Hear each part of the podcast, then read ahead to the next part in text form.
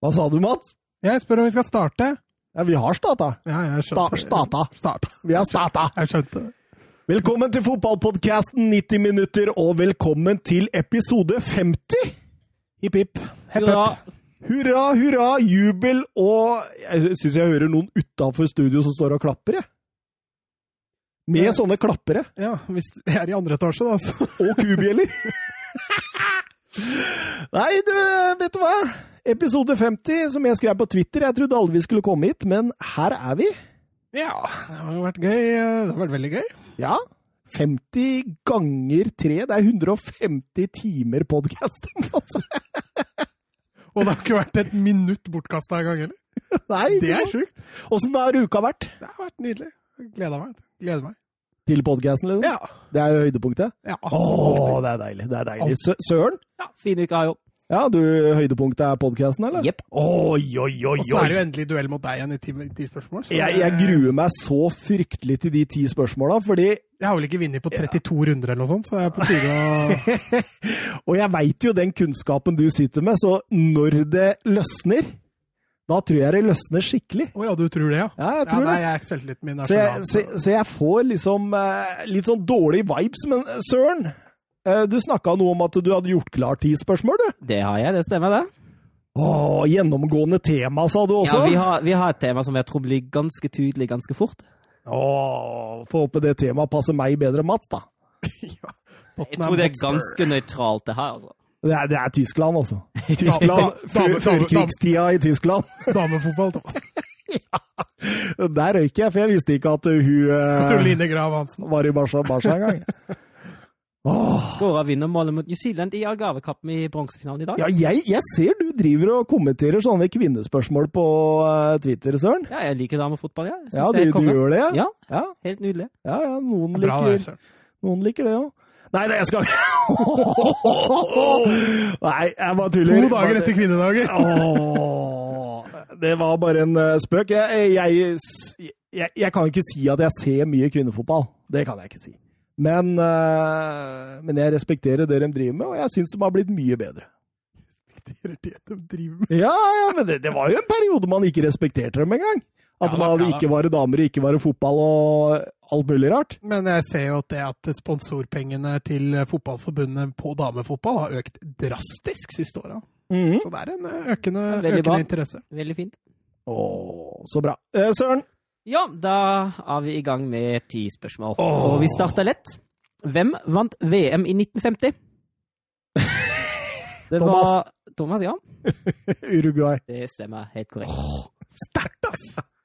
Det eneste VM som ble spilt uten finale. Uh, endte opp med en liten finale likevel, siden det var en sluttgruppe. Og førsteplassen Brasil møtte eh, Uruguay i siste spill. Og Brasil var veldig sikker på å vinne, men tapte den kampen til slutt. Jeg, føler temaet nå er uh, uruguayansk fotball Nei. før 1960. Det er det ikke. Spørsmål to. Hvilken spiller skåret sitt 50. Premier League-mål forrige helg? Oi, oi, oi. 50. 50. Forrige helg snakker du om Altså denne Den helgen, helgen altså som denne var runden, nå? denne runden som var nå, ja. Det, det tror jeg jeg veit, skjønner du. Ja, si navnet ditt, da. Jeg har ikke peiling. Ja, men uh, da må jeg svare fort òg, så jeg må bruke litt tenkningstid. Men jeg, jeg Jo, jo, Thomas. Ja. Selvfølgelig. Dale Alli. Det er helt korrekt. 2-0 til Thomas. Altså, det er Tottenham som er det gjennomgående. Fy fader. Spørsmål tre. Da får dere en spiller igjen. Altså Først får dere klubbene, så kommer jeg med litt hints, men dere har Åh. lov å svare noe som helst. Det er deilig. Hvilken spiller som fyller 50 år i, dag, eh, i år, er dette? Klubbene er FC Sao Paulo, EC Juventode, Real Zaragoza, SE Palmeiras Thomas. Ja. Bebeto. Det er feil. AS Roma og AC Milan. Nei! Han, er, han var høyreback. Han spilte 142 landskamper for Brasil. Mats. Ja. Kaffe. Det er helt korrekt, Mats. Ja, hadde jeg venta litt der. Du hadde hatt den før meg, for jeg brukte ja, lang tid på den connection her. Altså. Da er det 2-1 etter tre spørsmål. Spørsmål fire. Siden Bundesliga ble dannet i 1963, har 56 klubber spilt på Tysklands øverste nivå. Hvilken nåværende Bundesliga-klubb var klubb nummer 50 til å spille i Bundesliga? De rykket opp i 2008 og har siden ikke rykket ned. Jeg, jeg har forstått eh, temaet. 50! Det stemmer, det. Veldig bra. Det gikk fire spørsmål. Kan vi også si, kan vi også si at denne klubben da de rykket opp i 2008, de åpnet ganske sterkt. De ledet serien etter halvspilt sesong, men falt etter hvert ned på en, eh, på en niendeplass. Uh, har som nevnt klart å ikke rykke ned. Thomas Ja, Hoffenheim. det er helt korrekt. Ja, det burde jeg tenkt, for det sa, sa de forrige gang. Yes. La Liga domineres av Barcelona og Real Madrid. Siden 2004-2005-sesongen har disse to klubbene vunnet alle seriegull, unntatt ett, som ble vunnet av Atletico i 13-14. Ser man tilbake på de siste 50 årene, har fire andre klubber, unntatt disse tre, klart å vinne seriegull i La Liga. Nevn tre av dem. Tre av fire? Tre av fire. Jeg mener, for, dere får Nei, dere får bare tre forsøk her også. Å ja, så vi må treffe på alle tre? Dere må treffe på alle tre. Eh, Begynn du, Mats. Den der er så kjip, altså. Ehm, jeg har ikke sagt navnet mitt ennå, så Nei, du kan, du, det. du kan få lov. Du kan få lov. Det er ingen som har sagt noe her. Men, men uh, her ligger Men, men ja, da er jo Barcelona, Real Madrid og Atletico Madrid ute av bildet. Det stemmer, det. Og du skal ha fra 1950. Ja, altså fra de siste 50 årene. Altså Siste fem som blir fra fra 1970. 1970, ja. Her tror jeg du er mye bedre enn meg, så nå må jeg bare lytte øret. Du sier Mats, Nei, og så setter du i gang. Du sier Mats, Ja, og hvis så setter du vi i gang. er så utrygge, kan dere få én bom også. Det er greit. Dere kan få en bom. Ja, da sier jeg Mats, da. Ja, Mats. Eh, Valencia vinner. Det stemmer. Uh, Deportivo La Coronia. Det stemmer, det òg. Og så får jeg én bom, ikke sant? Du får én bom. 1970. Å, fy fader. Det står jo mellom tre klubber, vet du. Ja, men du kan jo bare prøve litt, du. Ja, da prøver jeg Atletic Bilbao. Det er helt korrekt, og du trengte ikke bommen din engang. Den fjerde Ja, klubben Start, start, Mats! Kan du gjette den fjerde òg? Ja, så det står mellom Sevilla og Betis. Nei, det var Real Sociedad. Real Sociedad var det. Ja. Ja, stemmer jo det, for det Nei, det var ikke med Kvarme. De holdt lenge, men, Nei, men jeg bare hørte noe i forhold til kampen nå sist, at de hadde vunnet en gang. Det var en eller annen kommentator som snakka om det. Ja, da er det fortsatt jevnt her. Jeg hadde ikke tatt den. Vi går til spørsmål seks. Vi blir i Spania, da. Det er jo heller ikke noe særlig overraskende at de tre største stadiene i La Liga er da Camp Nou, Santiago Bernabeu og Wanda Metropolita- Metropolitano. I tillegg til disse tre finnes det to andre La Liga-arenaer med plass til mer enn 50 000 tilskuere. Nevn enten en av dem, altså stadionnavnene, eller en av Thomas. klubbene. Ja, Thomas? Benito Villamarin. Det er helt korrekt. Oh. Mestalla er vel den andre, da. er Mestalla den andre? Ja, det må det være. Det er den andre San Mames. Oh, ja. San ja, selvfølgelig den Nye San Mames. Ja, stemmer jo det. Det er bra du tok den, for det hadde jeg sagt. I Bundesliga fantes det mange gode spisspar gjennom tidene. Tre spisspar har klart å skåre 50 eller flere mål, altså til sammen da, i én sesong. Og ett av spissparene har klart det to ganger, men de teller bare som ett. Nevn ett av disse spissparene. Mats. Ja. oh, ja. Men hva, hva, hva- altså, fra 50 Nei, år nei, tilbake nei, i tid, nå må ikke sant? ja altså fra, fra Bundesliga start 1963. Åh, du skal så langt tilbake i tid. Altså, det første jeg tenkte på da jeg sa det, var Wolfsburg og Grafite og, eh, og Tsjekko. Det er helt korrekt. Det er de mest skårende gjennom tidene i løpet av én sesong, med 54. De to andre som klarte det, det var Gert Mulla og Oli Hønes. De klarte det to ganger. Og de siste som klarte det, i 15-16, var Robert Lewandowski og Thomas Mulla. Ja, å, det var deilig, for det, det var den jeg hadde. Ja, fortsatt jevn time. Hvilken spiller brukte færrest kamper til å skåre 50 mål i Serie A? Færrest kamper. Han brukte færrest tid på å nå 50. Ja, altså kamp, i hvert fall i kamper, ja. Jeg vet ikke om i minutter spilt, men han brukte færrest kamper på å skåre 50, ja.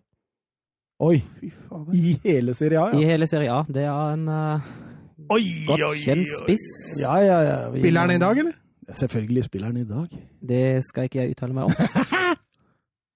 Eh, Færrest kamper til 50 mål i Serie A. Ja, ja, jeg får bare tippe, jeg, da. Mats. ja Mats. Higuain.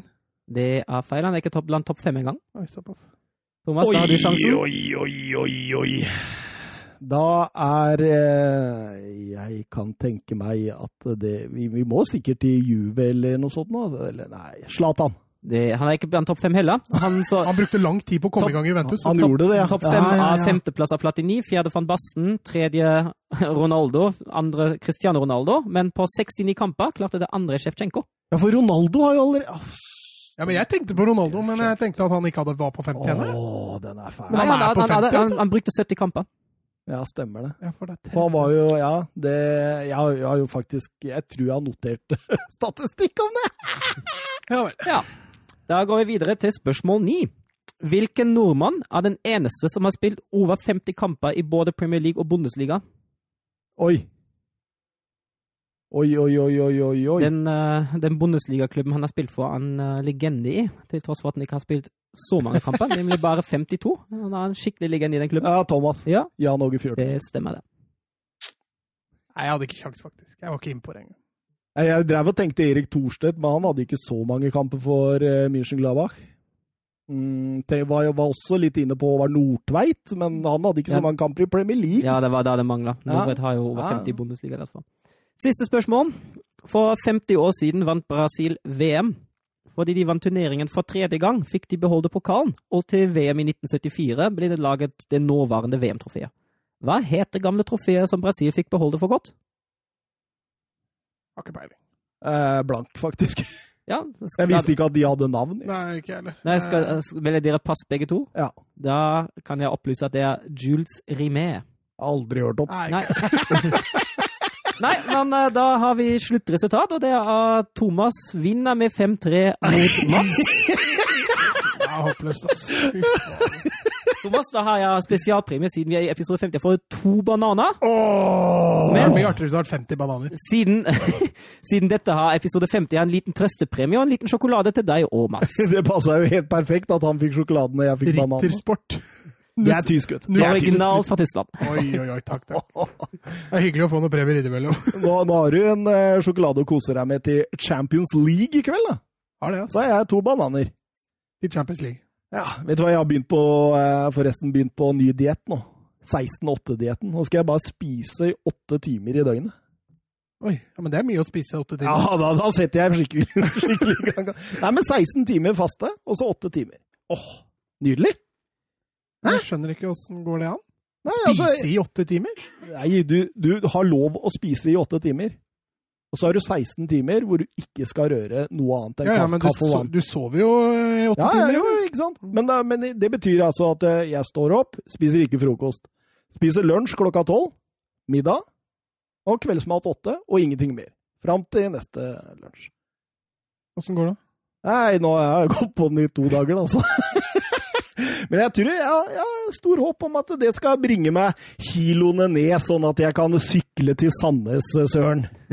Bra. For jeg, jeg, jeg innfinner meg med det, at jeg må sykle til Sandnes. Jeg tror du må det, ja. Jeg tror jeg må det. Altså, jeg tror han eh, sitter neste sesong òg, sånn det er blitt nå. Nytt veddemål, da. Eh, åh, sykle til Tromsø, er det det? Men søren, eh, han eh, Wolfsburg henger med i Europa League. Enn så lenge. Vet du, Sjakta spiller fra tomme tribuner, så jeg tror kanskje det er Åh, ja, altså. Wolfsburg er i god form for tida. Det, det, det er ikke så usant, det. Altså, det er større sjanse for at du sykler enn Mats akkurat nå. Det stemmer, det òg. Ja, jeg var rimelig fornøyd. Jeg røyk mot Norwich forrige helg. Ah, Tørte ikke å sende deg melding, men eh, Nei, da, det var mørkt, ass. Eh, vi eh, kjører intro, og så setter vi i gang programmet, vi. But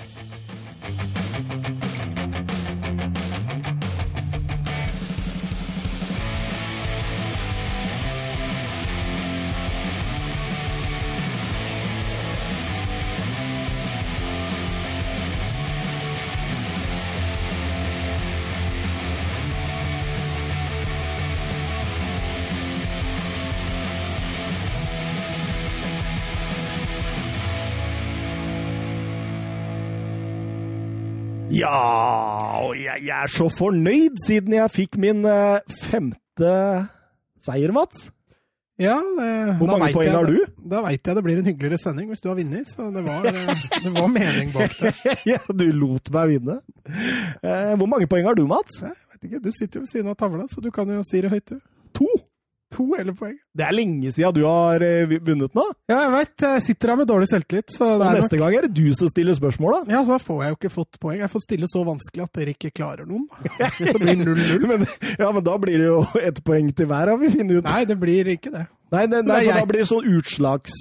Da sitter vi her, da. Klokka fire om natta. Hva var resultatet mellom Paraguay og Ecuador i Hvor mange tilskuere var og så? ah, Søren av seks, du leder. Ja, Så du ligger best an til eh, middag og pils på byen? Søren av seks. Ah, nei, vi må ikke være så vulgære, Mats. Vi blir vulgære ut på slutten av sendinga, for da skal vi ha, sette opp en eh, elver. Ja. Ja, en eh, så, såkalt elver med morsomme spillernavn, og der er det mye vulgært. Det er mye artig å holde fast i der. altså. Så, så vi sparer den til da, og så går vi rett til Premier League. Er det noen som fikk med seg Liverpool mot Bournemouth, eller? Ja. Ja, hva, hva, hva tenker dere om Liverpool nå? Det var jo ikke overbevisende, syns jeg, da.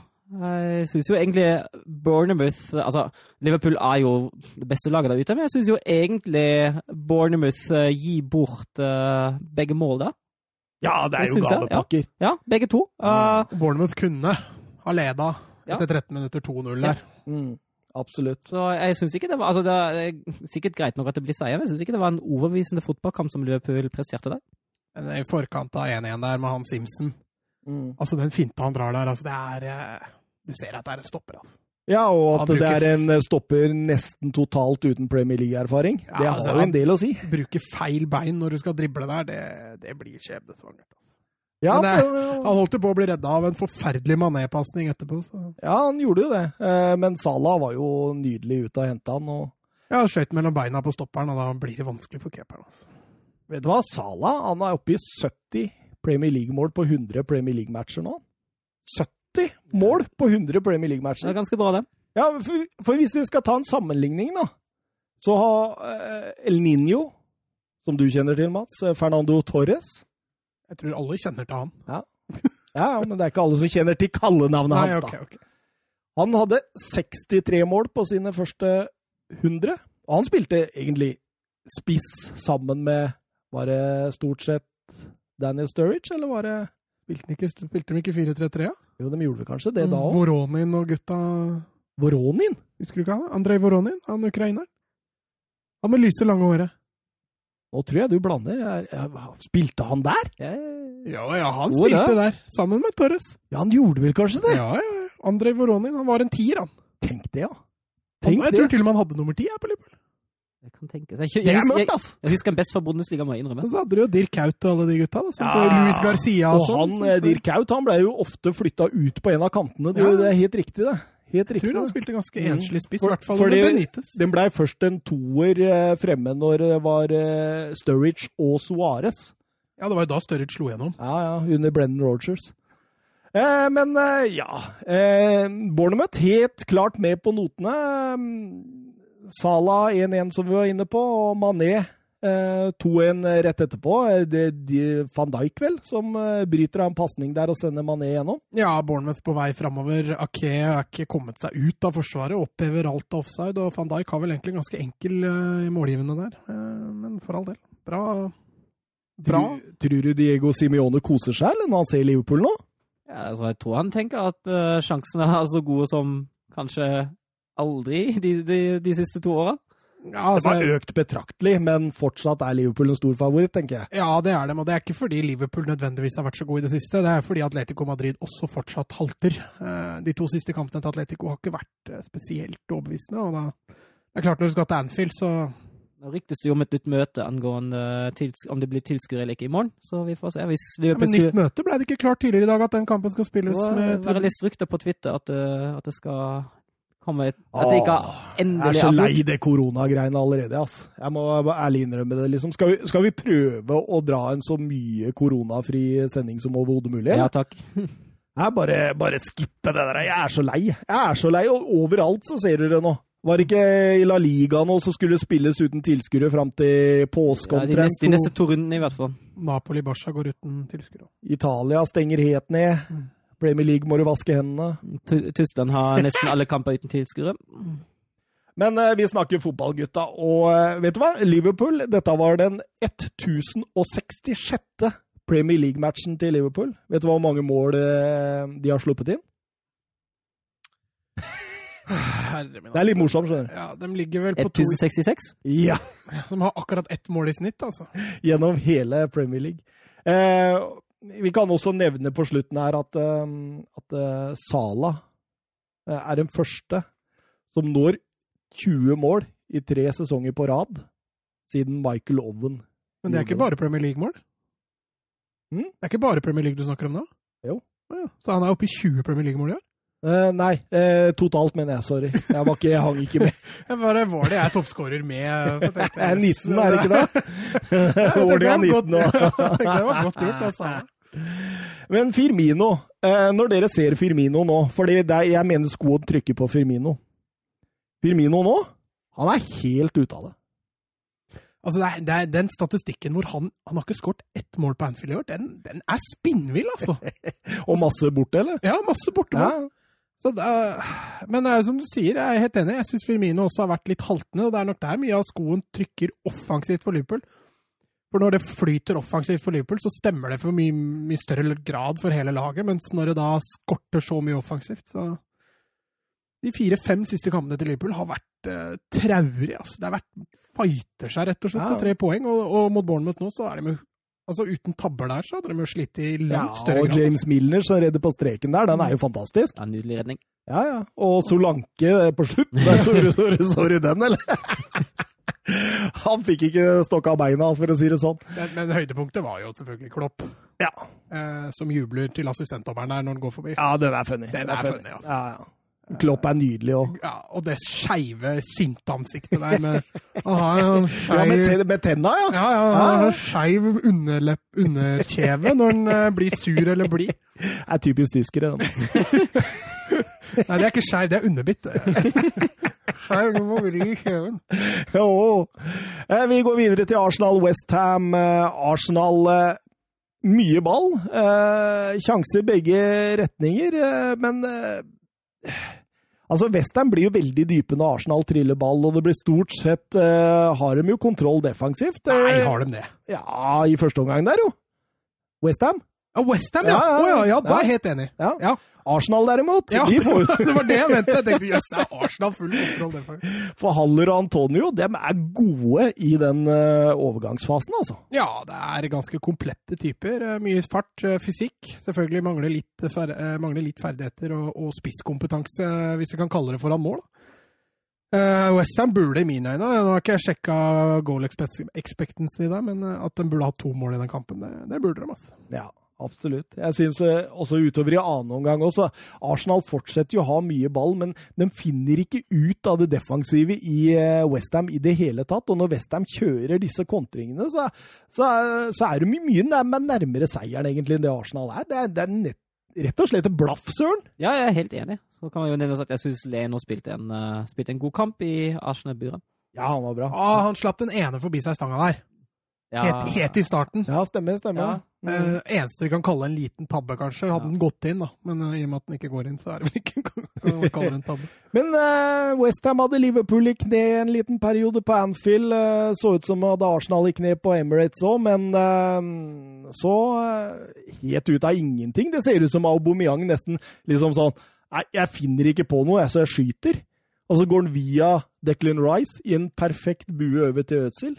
Øzil header ned til Lacassette, og så står det 1-0. Minner litt om det, om det baklengsen Westham fikk, på, fikk faktisk på Enfield til 3-2.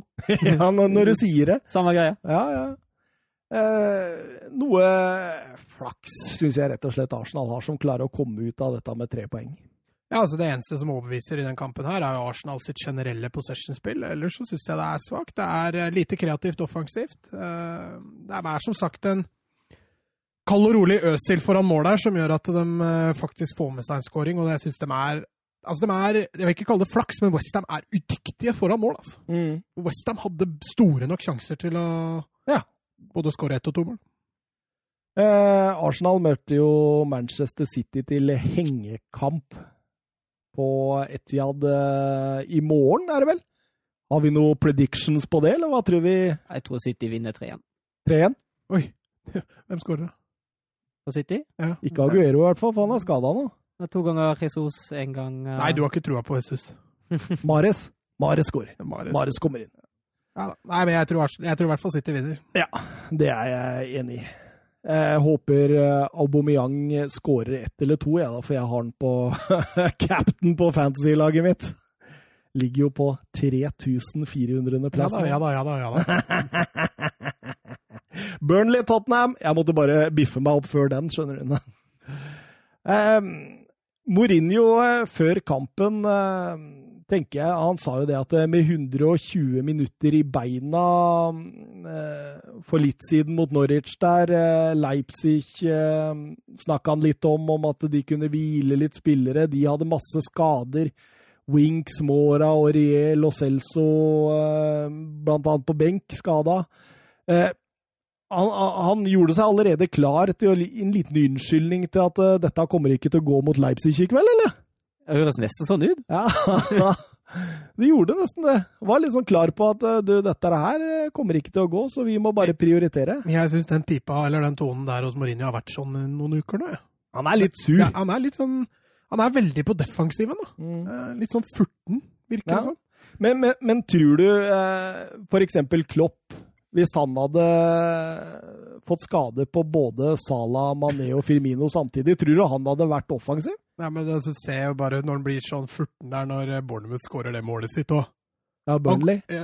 Nei, så er jeg tilbake til Å, Klopp du, du er tilbake på Klopp? på Bournemouth-kampen. Ja, Når Bournemouth får det målet og Callum Wilson dytter Gomez ja. i ryggen. ja. Se hvordan Klopp sånn ironisk gåbo på mot eh, Eddie Howe og bare smiler litt sånn. ja. Ja, ja, ja, Klopp er jo- særlig. Klopp er jo Så- kanskje en av de dårligste taperne i Ja, det var akkurat det jeg Altså. skulle til også, at han også sikkert har ting å skylde på når ting ikke går bra. Det er nok, er nok innafor å si det, altså. Første omgang, eh, Tottenham får jo ikke til mye i det hele tatt. Eh, Det er egentlig en Burnley-omgang. Syns jeg Ja, jeg syns ikke de har Men skal du ikke ta den golden til Burnley, eller? Den Hensen i forkant der? Ja, jo, det kan vi jo godt gjøre. Du, du kan ta oss igjennom, du. Ja, nei, altså, jeg tenkte jo, altså, jeg tenkte jo på at uh, Burnley-spilleren uh, McNeil, er det det? Ja. uh, henser Slår det innlegget der. Ja, han henser jo i forkant. Mm. Slår innlegg. Uh, Wood scorer. Eh, Men, men og, og, og både jeg og kommentatoren var sikre på at dette blir frispark. Fordi hens i forkant av scoring skal jo tafs. Yep. Det har jo blitt men- gjort det i alle kamper i år. Men så sier Premier League at det blir en ny situasjon når Dyer header ut der, sier de. Det er jo det som er forklaringa til VAR. er okay, Ja, okay. At det blir en ny situasjon, altså en ny, nytt angrep, siden Dyer eh, klarerer det innlegget fra McNeil. Så, det det, så, så jeg kjøper egentlig forklaringa, men da, da blir det jo veldig spennende å se Ja, den altså, røde tråden i dette seinere nå, da. Men det, det finnes jo masse dueller innafor 16 hvor det blir en hens, og så kan det da bli en Altså, hvis det er en ny situasjon, da. At det bare er en retningsforandring eller en klarering, og så er det Nei, jeg synes det hørtes veldig Jeg var sikker på at du kom til å ha en liten rant igjen, men eh, da Nei, jeg, har slått meg til ro med at det er greit, så lenge de dømmer sånn senere. Eh, ranten kan først komme hvis jeg ser at det ikke skjer med andre lag. Eh, men det blir jo en krig, og den krigen den taper egentlig Tottenhams midtbane. Skip og Ndombele blir jo overkjørt. Jeg syns Skip ja, han blir litt sånn veik. Ja, Han tar ikke nok plass. Nei, Eh, og en Dombele han gjemmer seg jo. Ja, som du sagt tidligere, han sliter jo voldsomt defensivt da, i den kampen. Så at Burnley leder den første gangen, fullt fortjent. Men eh, Mourinho han løper inn i garderoben til pause der. Eh, åpenbart eh, har han mye å ta opp med laget sitt, siden han liksom på en måte beiner foran Sean Dice der. Eh, inn, gjør grep, eh, bytter ut denne kan vi kalle det 3-4-3 eller 5-3 Nei, 5-3-2, ja, alt ettersom. Eh, bytter ut denne, skifter den helt ut med den vante, gamle, gode Pochettino 4-2-3-1 og eh, kjører inn Lo Celso og Mora for uh, Skip og Ndombele. Og da skjer det jo ting. Ja, altså Lo Celso spiller jo en fantastisk andreomgang. Han er jo forskjellen på på et Tottenham-lag som det ikke fungerer noe som helst offensivt, og et Tottenham-lag som faktisk klarer å produsere noe. Så mm, det er klart Lo Celso var, en, var et viktig bytte å få inn. Ja, og jeg syns Mora også, i forhold til bevegelser framme, og, og, og det med å være en førsteforsvarer, da, som gjør at eh, Burnley får litt dårligere tid til å slå disse polera sine. Men, men det er jo stor forskjell. Altså Mora er ikke noe midtspiss, han heller, men Ally er i hvert fall ingen midtspiss. Nei det ser vi i den kampen her. Ja, At han er ikke noen nier, han. altså. Det er han ikke. Det har han aldri vært, og det kommer han aldri til å bli. Men uh, sånn er situasjonen blitt i Tottenham, da. Jeg, jeg, jeg tenker jo det at uh, de får jo et straffespark der på etter bare fem minutter. Lamela blitt tatt av Ben Mi. Soleklar. Ja, håpløst. du så han skjønte det, da. Han, ja, ja, det var ikke litt klaging engang. Han gadd ikke å begynne der. Del Alli setter, som Søren var inne på, sitt 50. Premier League-mål i historien. Det var der jeg hadde det fra. Hun kun Kane har vært yngre i eh, Tottenhams historie til å nå 50 mål i Premier League. Og eh, Tottenham bør jo egentlig dra dette til tre poeng utover i annen omgang der. De er jo det førende laget. Ja, hva mener Altså sjansemessig, eller? Ja, og, og spillmessig, egentlig. Jeg syns altså, Tottenham greier å skape et visst trykk på Burnley. Uh, Burnley kommer seg ikke ut. Uh, de får ikke skapt de duellene i boks som de er så gode på. De kommer ikke til så mye innlegg. Han McNeil blir jo helt borte utover andre omgang. Mm. Um, selv om jeg syns ikke Tottenham kommer til sånn voldsomt mange store sjanser, så, så var andreomgangen Tottenham sin. Det kan du trygt si. Uh, jeg digger Lo Celso, altså måten han liksom kommer inn på. Han er så utrolig smart i bevegelsene sine. Du ser han, han finner rom hele veien. Eh, frigjører seg fra oppasser hele tida. Bevegelsene inn, bak, ut, tilbake igjen. Sånn hele tida. Eh, finner de perfekte romma, og Burnley eh, ja, fant ikke ut av han. Altså. Du ser også pasningsspillet hans, da, eh, som er så eh, det, altså det jeg har savna ofte da, i forhold til det detaljerte i pasningsspillet, det å slå på riktig fot, det å slå foran medspiller, det å slå i riktig rom. Der ligger Lo Celso milevis foran Skip og Ndombele. Ja, ja. Og det at du da har en pasningsspiller som kan starte angrep bakfra, det, det, er klart det får mye å si. Altså. Absolutt. Vi fikk et eh, Twitter-spørsmål fra Simen Det er Petter Støvland er det. Må bare finne Ja, vi, vi, vi, har mange, vet du. mange Simener. Mange Simener. Eh, tanker eh, om Mourinho har begynt å kritisere hive spillere under bussen, på samme måte som han gjorde i Manchester United. Kan dette virkelig gå bra? Hvis Mourinho etter hvert får sparken i Spurs, tror du det er det siste han gjør som trener på dette nivået? Kort eh, sagt, snakk Mourinho. det han refererer til, er jo en Dombele. Ikke sant? Han tar ut en Dombele i pausa, sammen med Oliver Skip, og skifter formasjon. Eh, og i ettertid så sier han jo eh, Gir han jo mye av skylda for den dårlige førsteomgangen til en Dombele ved å si at det, eh, det var to ting som ikke fungerte. Eh, de klarte kvitta jeg med meg til andreomgangen. Han ene han er så ung at han må bare ta det som lærdom, men han andre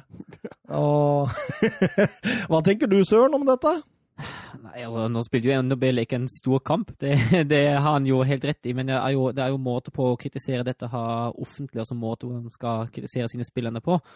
Um, jeg veit ikke om han altså Nå, nå, nå veit jo ikke Vi har jo snakka om sånn offentlig kritikk før her i podkasten, husker jeg. Jeg er ikke sånn superfan av å, av å ta dette offentlig. Det er, jo, det er, jo, helt greit å si at han, uh, han gjorde en svak kamp, uh, for det, det, så jo alle men jeg uh, vet ikke om man skal skylde på en eller to enkeltspillere få en dårlig førsteomgang. Altså. Det, det er svart kritisk til, så jeg tror ikke han gjøre seg selv en tjeneste der. Men jeg tenker en Dombele. Han ble henta for et busslass av pundsedler.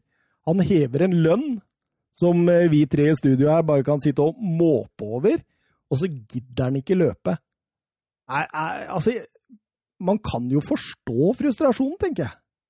Fordi, altså, jeg så en uh, Jamie Carriger, han hadde en uh, seks minutter lang analyse på dette. På Ndombele i førsteomgangen mot uh, Burnley. Veldig interessant. Går an å ses på Twitter, blant annet. Og der sier jo uh, Carriger òg at det, det, er nesten, det er nesten uvirkelig hvor dårlig han er uten ball og hvor lite giddaløs han er. Og han tok også fram noen bilder hvor han liksom Åh, nå må jeg på det løpet nå. Åh, å, så tungt å må på det løpet. Altså, det han gjør med ball i beina, som Carriager sier, det er jo verdensklasse. Det er jo ypperste verdensklasse. Det ser jo ut som en Yaya Touré, ikke sant? Men det han gjør uten ball, og da, da tenker jeg enten så gidder du ikke, eller så kan du ikke. Mm. Og begge deler er jo forkastelig. Ja, til å spille i en klubb som Tottenham, så er det, ja. eller å spille i en Premier League-klubb, så er det jo helt dust. Men dette er en fransk landslagsspiller. En spiller som dominerte på midtbanen for Lyon i Champions League sist sesong. Jeg tenker han kan. Så dermed står vi igjen med han vil ikke, eller han orker ikke. Han er, dårlig, er han så dårlig trent? Jeg veit ikke. Vi, Men du mistenkte jo at han kanskje spiller sin siste sesong? Ja, altså, jeg, jeg tror ikke Mourinho og Dembele går hånd i hånd, for å si det sånn. Uh, Mourinho er jo ekstremt opptatt av, av, bevegelse uten ball og i defensiv arbeid. Og hvis ikke han Da må han skjerpe seg nå, liksom. Mm. Hvis ikke så kommer uh, Mourinho til å si til uh, Dani Levi at uh, du, vi selger han en Dombele til Paris Saint-Germain eller et eller annet sånt, og så bruker vi pengene på Nemanja Matic. Ja. Men han har skrevet ny kontrakt med United nå, så den blir ikke billig. Den blir ikke billig i det hele tatt. Eh, vi eh, ruller eh, videre i fotballens verden, og vi ruller ikke så Det var ikke så langt, faktisk, for vi skal til London. Chelsea mot Everton. Fantastisk, eller? Ja. Chelsea, ja. ja. ikke Everton, men ja, det var Veldig underholdende, veldig fin uh, til tider veldig fin fotball av, uh, av Chelsea den kampen. Jeg kan jo også nevne at Kepa var tilbake fra start. Ja. ja PlayStation-fotball, vil jeg kalle ja. det der. Det var så mye Det var ekstremt høy kvalitet over hele linja. Mye bevegelse, presisjon, gjennom ledd, møte tilbake opp igjen. Sånn var det hele tida. Everton hang ikke med for fem flate øre og hjernen bak det hele. hele. 18 år gamle Billy Gilmore. Ja, han var stor. Han var fantastisk mot Liverpool òg. Ja, han var det. Så han fortjente å få spille den kampen. Eh, visste dere forresten at eh, Billy Gilmore han er jo en av grunnene til denne registreringsnekta? For når han ble henta fra Rangers sitt U17-landslag for rundt 6 millioner norske kroner, så var det noen brudd på reglene der som, eh, som gjorde at den registreringsnekta Så eh, det kom jo noe godt ut av dette, da. Blir nødt til å bruke nå, faktisk. Ja, blir jo det. Og det, han, jeg, jeg, lot meg imponere, altså. Jeg lot meg virkelig og, og nå får de opp den ene britiske talentet etter den andre. Og når, når, når ting blei eh, på en måte trygt utover i annen omgang der, så, så tjora de jo på med to til òg. Mm. Anjorin fikk jo debuten sin. Ja, som vi har snakka om tidligere i denne podkasten. Og det var vel også en annen en, Armando Broya som fikk sine første minutter. Eh, begge 18 år, unge engelske pass.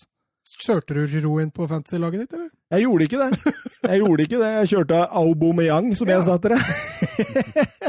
nice. Men, uh, Men, var det Chelsea som var så gode at Everton ikke hang med, eller var Everton dårlig?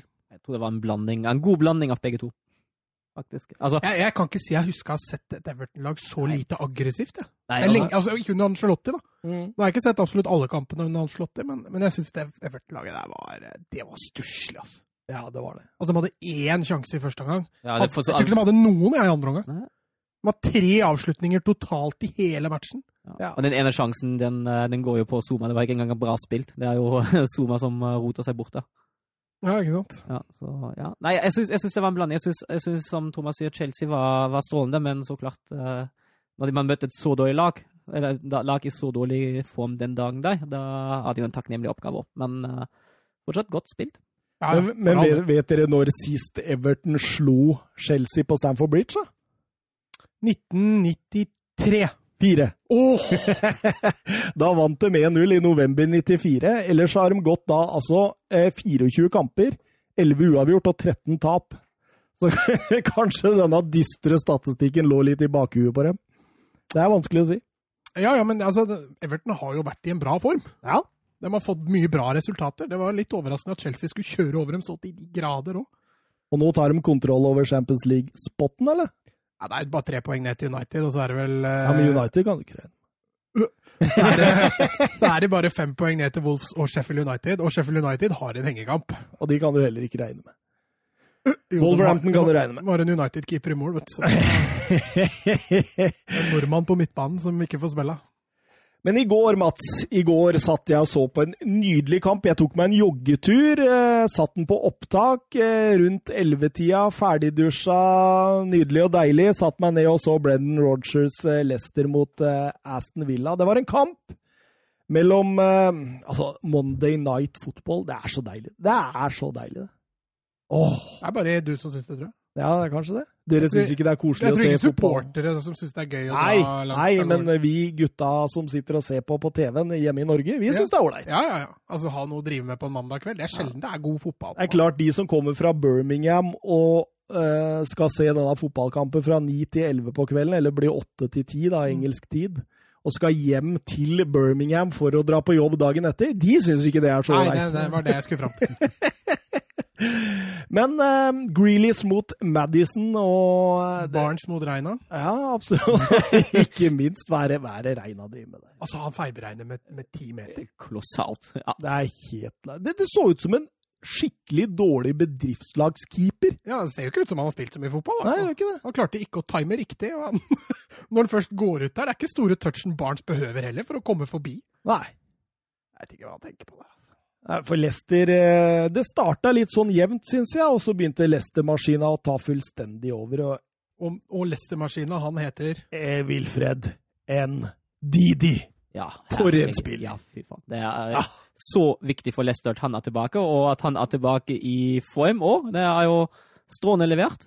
Ja, ja. Det ja, er, en fantastisk fysikk og syke altså, på den uh, Ja. spilleren. altså, altså, altså er det så bra levert begge veier. Det er strålende defensivt. Det er veldig trygt og godt i det offensive spillet òg. Jeg syns det, det er helt nydelig. Altså, vi hylla jo Casemiro forrige gang som Som verdens beste defensive mitt. Det er ikke langt unna her, altså. Ndidi er på god vei, altså. Ja, ja, absolutt. Og, Veldig god vei òg. og før du kom eh, inn i studio, Søren, så satt jeg og Mats og snakka om det nå. Vi, vi, vi sa det.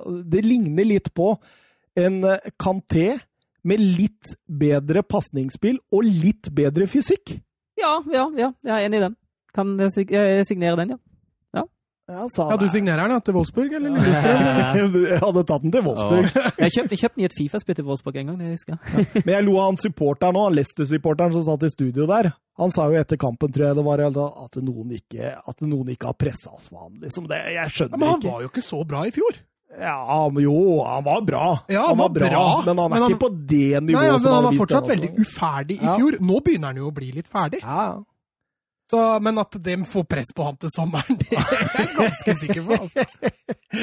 ja, det er mange klubber som kunne trengt en Wilfred Ndidi, og det, og det trenger jo Leicester òg, for de hadde vel gått de, Jeg tror de hadde én seier på de siste sju uten han Mm. før denne kampen her, og da er det fullt kjør, masse tempo, masse samtidige bevegelser, flott angrepsspill, og den får jo Altså, Som dere var inne på, da, PP Reina han forærer jo 1-0 der, og du veit jo ikke hva som ville skjedd hvis ikke den forløsende kom der etter 40 minutter. Nei, men jeg syns de var jo nærme en god del, en god del ganger før allerede. Så eh, den var jo, det var jo Altså, eh, da jeg satt lå på, et mål i lufta. det var, ja, det er akkurat det. Da jeg satt på kampen, tenkte jeg nei, nå kommer han snart, nå kommer han snart. Og så hjelper Esten Villa et godt stykke på veien, men eh, det er ikke ufortjent på ingen måte at eh, Leicester tar ledelsen der.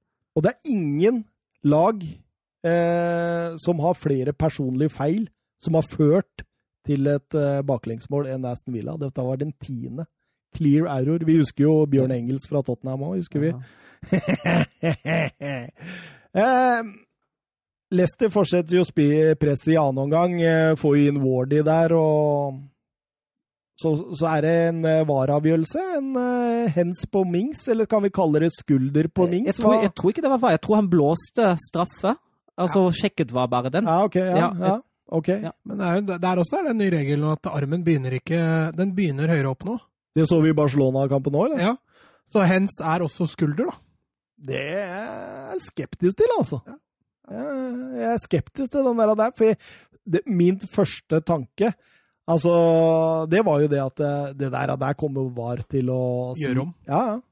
Uh, men eh, de sa det var OK. Hens straffe. Bavardi sikker. 2-0. Sitt 18. mål for sesongen. Og jeg Hørte du intervjuet med Vardi etterpå? Nei. han sa det at hun De spurte hva Reina sa til han. Og så sa han at eh, 'jeg veit du kommer til å sette den midt i mål'. Og jeg gjorde det. Wardy er nydelig, og Wardy setter jo også 3-0 der. Eh, Trengte to sjanser der. han gjorde det eh, før eh, Barnes setter eh, den fjerde. Eh, Jack Grealish, det sier litt om kampen. Altså, han hadde kun 42 touch på ballen. Han har aldri hatt lavere gjennom hele sesongen, og det er kun hans andre kamp i løpet av sesongen hvor han ikke har løsna et skudd eller skapt en sjanse for klubben sin. Det sier det meste. Men det ble jo en dårlig kamp av Villa, så det sier vel litt om hvor avhengig Villa er av han. Ja, og når vi snakker om en dårlig kamp av Villa, så fikk vi vel også et eh, Twitter-spørsmål der fra Sandra HJ. Kan dere se litt inn i krystallkulen? Rykker Aston Villa ned? Tror dere det finnes noe som helst sjanse for at Jack Reelish blir, om det blir nedrykk? Det er tunge tider her nå, med et gråte-emoji til å avslutte med. Hva, Mats? Tror du Villa klarer dette, eller ikke? Eh, altså, nå har de fire strake tap. Eh, de ligger jo Har for så vidt en OK målforskjell i øyeblikket, eh, selv om det ikke er helt ideelt. Så et Bournemouth-lag har dem foran seg. De er kapable til å ta noen poeng. Watford har vist at de er kapable. Westham er kapable. Eh, jeg syns det ser tungt ut for Villa. Altså. Jeg gjør det. Eh, Grealish tror jeg forsvinner uansett om de blir eller ikke. Åh, den var, den var vond for Sandra, Den tror jeg. Den er vel kanskje enda verre for Sandra, tror jeg. Altså så har de eh, Chelsea, Wolverhampton, Liverpool og Manchester United i fire av de neste fem. Bare Newcastle imellom der, så det Det kan fort bli ganske stygt de neste ukene, altså. Nei, vi var vel litt positive på Villa sine vegne sist vi fikk det spørsmålet fra Sandra, men eh, det ser, det ser litt mørkere ut, altså. Det gjør det.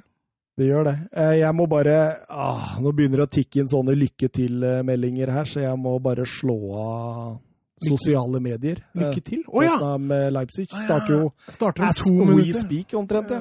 Så du får mye lykke til-meldinger? ja, det kom masse nå. Eh, Hele, jeg tror jeg har sju-åtte meldinger jeg, med at eh, Hva tror du? Lykke til. eh, Dette blir spennende. Kan de snu det? Ja. Mm, men um, altså, jeg heier jo på Leipzig. Ja, det Ja, skjønner jeg, jeg, vil jo. kjøre, jeg vil kjøre bobil. Du vil kjøre bobil bak syklisten, ja. Ja. Jeg skjønner det. Eh, Kasper Schmeichel sin 200. Premier League-match. Det er kun fire dansker tidligere som har nådd den milepælen. Kan dere nevne de tre? Det er sikkert Peter. Ja. Altså, kan jeg tenke meg at Eriksen også er det? Ja. Altså Ag- Agga, kanskje? Nei, men vi, vi, vi, nei, men vi skal til en uh, gammel Aston Villa-keeper. Stoke-keeper. Dansk. Sto på landslaget i mange år.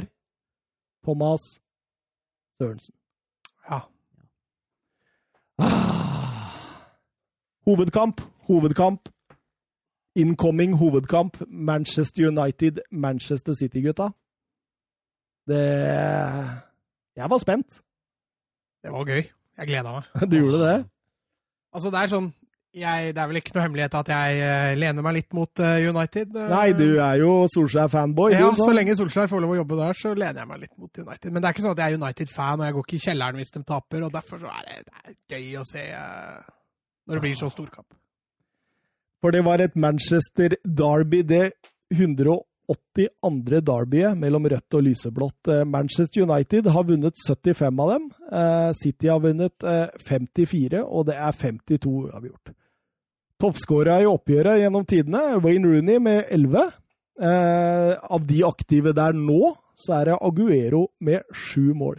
Flest kamper i Manchester-derbyene gjennom tidene. Kan dere tenke hvem det er? Giggs? Ja, det er helt riktig, Søren. 36 Manchester Derby har den gode vingen fra Wales. Eh, tilsvarende sist sesong endte 0-2 etter mål av Bernardo Silva og Raheem Sterling. Eh, United derimot har ikke tapt en fotballkamp siden 0-2 på Old Trafford mot Burnley. Eh. Men jeg hørte jo også at de hadde jo ikke, hadde jo ikke slått City på Old Trafford i Premier League. De har vunnet to av de ni siste. Mm. Så det er ikke, de hadde ikke veldig stor, god erfaring med City på Old Trafford de siste åra. Og Citys siste tap var 0-2 mot Tottenham 2. februar. Eh, har også vunnet ligacupen, som vi har vært inne på i forrige, forrige sending. Eh, Klopp var ute i januar og kritiserte Ole Gunnar Solskjær og Manchester United som overraskende defensive. Guardiola ville ikke være med på den eh, rulla. Nei, men han har vel altså også ikke hylla Solskjær, men det har vel vært eh, sagt at han uh, syns det er bra det Solskjær har fått til til nå, så han, eh, han prøver vel en litt annen mental tilnærming til matchen, tror jeg. Ja, for det det- gjorde ikke Klopp. Han, han var klar. Eh, Manchester United ut i 3-4-1-2, eller som veldig ofte blir 5-2-1-2. eh, Fernandez eh, offensivt på midten med hurtigtogene Martial og James foran seg. City ute i vante 4-3-3, men så blei en 4-1-4-1 defensiv. Veldig klar den, med Rodri hengende litt bak der. Eh, kommer jo til oppgjøret med, uten viktige spillere som Kevin De Brøne og Laporte, men eh, Phil Foden eh, var inne i varmen, og Aguero starta på topp, Mats. Ja, eh, Foden fikk prøve seg på kanten. Eh, starta i hvert fall på kanten. Eh, nå må nevne også at United også hadde noen tunge, tunge fravær, men Stirling er jo tilbake igjen eh, for fullt igjen, virker det som. Og det, han er en bra spiller, men han virka jo livredd Van Bissaka egentlig fra start. men det er ikke så rart, da. Van Bissaka han takler der det går an å takle, og litt mer også. Ja, ja. Men eh, han hadde overtaket allerede fra første minutt. Det... Husker du vi snakka om den hybriden mellom Van Bissaka og Trent Alexander Arnold? Ja, det husker jeg godt. Jeg nevnte da jeg så kampen på, på søndag, faktisk. Ja. Tenk å for en høyrebekk det hadde vært. Ja, men da er det Arnold offensivt, da, Wambisaka. Ja, ja, selvfølgelig. for uh, Van er jo nærmest katastrofeoffensivt, og, og Arnold nærmest katastrofedefensivt. Så det, så det kan man godt si. Eh, over til kampen, da, gutta. Eh, begge laga har kjapt i høyt press, eller? Ja, United prøvde i hvert fall. De skulle de første sju-åtte minutta skulle de stresse City høyt, uh, uten at de nødvendigvis lyktes så veldig med det. City er jo ofte sånn, opplever jeg. Det var ikke noe nytt dette at City skulle vinne igjen ballen kjapt. Så... Men, men, United de, de kan, kan, variere mye oftere i det høye presset sitt. Ja, for de falt litt tilbake når det Ja, ja. ja for det, var ofte, det ble jo stort sett spilt av. Ja, det ble det. Uh, og det er klart, nå er jeg litt tilbake til det jeg, som er litt min kjepphest òg, at når du skal ha høyt press, så må du sende fram mer enn tre-fire spillere. altså Det nytter ikke når du møter lag som sitter og sender fram tre-fire spillere, for du, du, blir spilt av med en gang.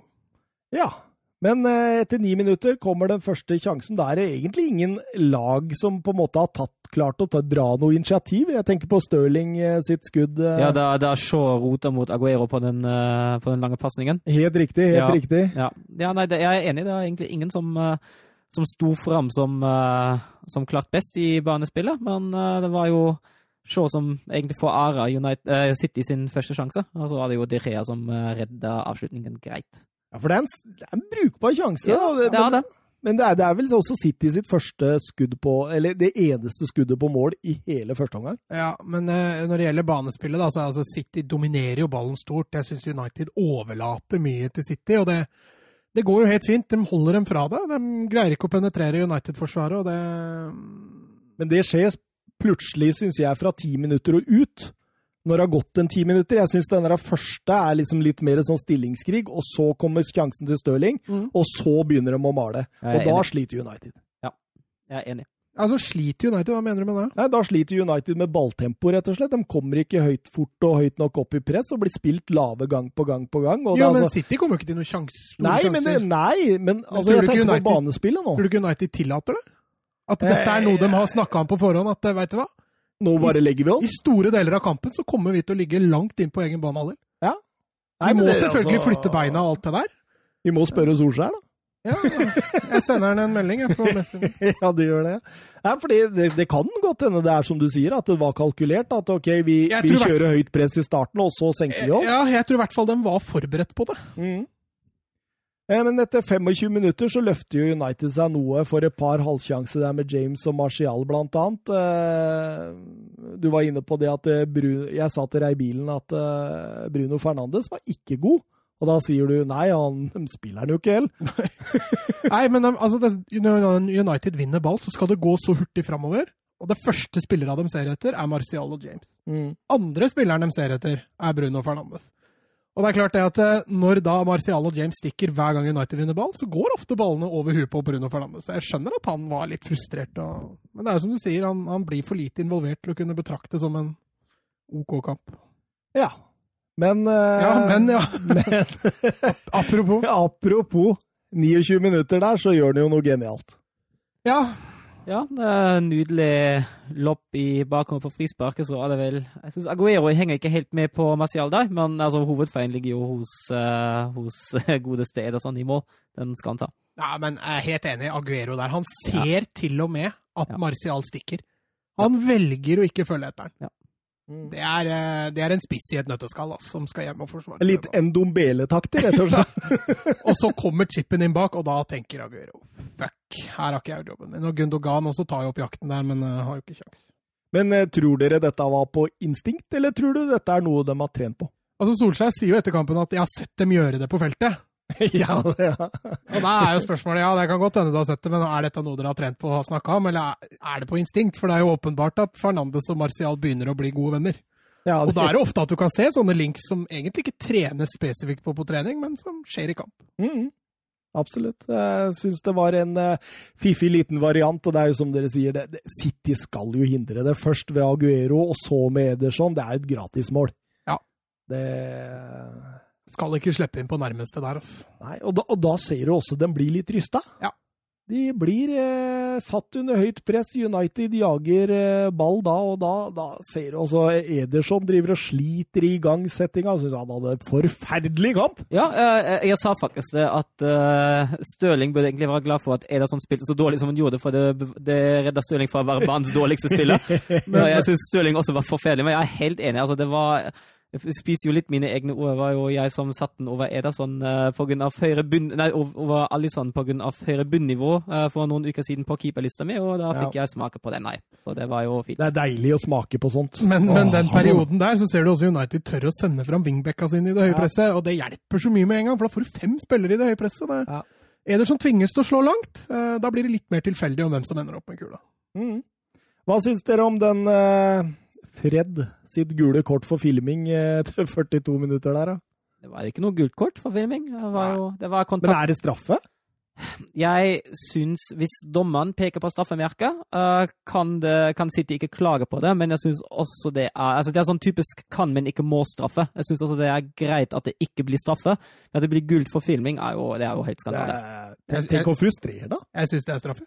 Eh, ja, altså, Altså, han sparker han jo i ankelen. jeg er heller mer for straffe enn ikke straffe. Jeg tror, eh, litt, jeg tror Søren var litt innpå det. Altså, altså, hvis dommeren peker på straffesparket, så vil ikke, vil ikke VAR gjøre noe. Absolutt ikke. Men, men altså, altså, la oss si Fred nå da, hadde hatt fire, eller mange kort må du ha for å bli suspendert? Det er fem og sju og ni. Ja, ja, men la oss si han nå hadde blitt suspendert i neste. Syns jeg VAR egentlig burde få lov å gå inn der og si Gå og se den situasjonen en gang til. Må ikke dømme straffe, men i hvert fall ta tilbake det gule kortet, da, for det er fryktelig irriterende. Tror det er frustrerende. Altså, det har skjedd med meg før. Det, jeg, Ja, men du, du altså, noen, noen ganger så er det helt greit å gi meg gult kort for filming òg, men når, når, når du faktisk skal ha straffe og ikke får det, ah, det er ti ganger verre Ja, enn å få gult kort for filming. ja, Altså. jeg vet. Det er så surt å ikke bli trodd. Ja, jeg har hatt det et par ganger sånn, jeg har soleklare straffespark liksom blir dratt ned Jo, jo, men feltet. du er jo han som takler. Ja, men jeg, jeg, har jo mine, hatt mine offensive bidrag, da.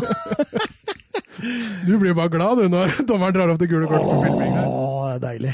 Gult kort er deilig. Eh, så går vi til pause, da. 1-0. Skillelagene dødballvariant som ikke City hang eh, med på. Jeg syns City best første 20, United best siste 25, kan man si det sånn? Ja, altså jeg syns United er eh, bra siste kvarteret, i hvert fall. Eh, og så syns jeg det er som du sier, det var en jevn kamp første ti. Og så har jo City en god periode fram til United skårer. Um, I pausen tror jeg nok altså Guardiola sa jo etter kampen at han egentlig var fornøyd. Han syntes City hadde spilt bra. Ja, uh, det, det sier han bare, tror jeg. Jo, jo, det tror jeg òg. Men jeg tror nok Solskjær er den som går til pause der og er fornøyd, for de føler nok at de har god kontroll, og de leder. Men eh, jeg, jeg tenkte på den der treeren eh, sentralt i City der. Eh, Rodri, Gundogan, eh, Bernardo Silva. Mangler ikke litt kreativitet? Mangler ikke litt eh, Kevin De Brøne? Jo. det kan du si om samtlige lag. Mangler ikke en Kevin De Bruyne. Kan du si om Barca òg? kan du si om, ja, lett om Barcelona. Eh, så akkurat den argumentet der, det tror jeg nok hvilken som helst trener kan bruke. Men eh, ja, men, Men, men hva nok David Silva, da, som satt på benken? Ja, jeg skjønner ikke hvorfor han ikke pusher inn han eh, Nei, litt rart, syns jeg òg. Eh, men, men det er jo åpenbart at David Silva skal være backup i år, føler jeg. Mm. Og så- ser du også det at uh, han forsøkte jo ikke gjennom hele førsteomgangen, men enkelte faser i førsteomgangen å kjøre Zinchenko. Han bare dura av gårde fra den venstreback-rollen sin, inn sentralt Ja, ja. på midten, for å starte et overtall. Mm. Uh, det er, det er svakt av Manchester United å ikke angripe det rommet mer på overgangene. Men Jo. husker du ikke vi snakka om det tidligere òg? Jo, men altså, se James og Martial da, spiller trangt offensivt. Altså, De er spiss, de er ikke kanter offensivt for United i det systemet de spiller nå. Og det er jeg enig med deg, at der kunne kanskje Solskjær justert tidligere og gitt beskjed til James at det rommet der, det skal du straffe Zinchenko hver gang han forlater bekken Ja. sin. Altså. Så det, det er jeg for så vidt enig med deg at der, der kunne United vært litt mer obs. Ut i annen omgang, 47 minutter. Aguero annullert. Eh, Linjedommer vinker på Stirling eh, når Stirling sender Aguero alene gjennom med De Gea. Eh, Aguero setter, så kommer VAR inn. Millimetere. Ja, men riktig. Ja. Og så bra at dommeren ikke Men- blåste før han satte den. Jo, men jeg tenker på Det ser jo ut som spillere stopper litt opp pga. det flagget. Det flagget. se, se jo nok det, men uh... Skal du ikke ha tungt flagg? Hva, hva, Ja, hva- men nei, Ja. Premier League skal ikke ha tungt flagg. Nei, ikke De det? har fått beskjed om å vinke hvis de mener det er offside. Det er kun i La Liga og Bundesliga hvor dommere har fått Ja, Jeg så en sånn situasjon i La Liga òg. Jeg husker ikke helt hvem det var på stående fot nå. Hvor det stoppa opp var, var Jo, det var uh, Sydney mot uh, Real Madrid. Ja. Da stopper jo Å, men det var straffe.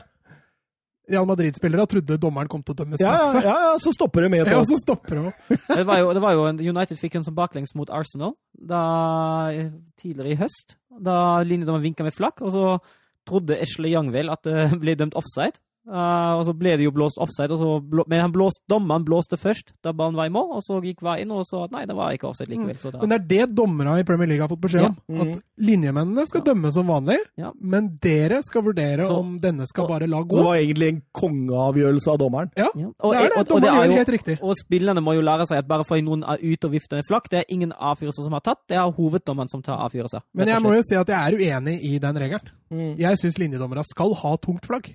Ja. Fordi det forstyrrer spillere.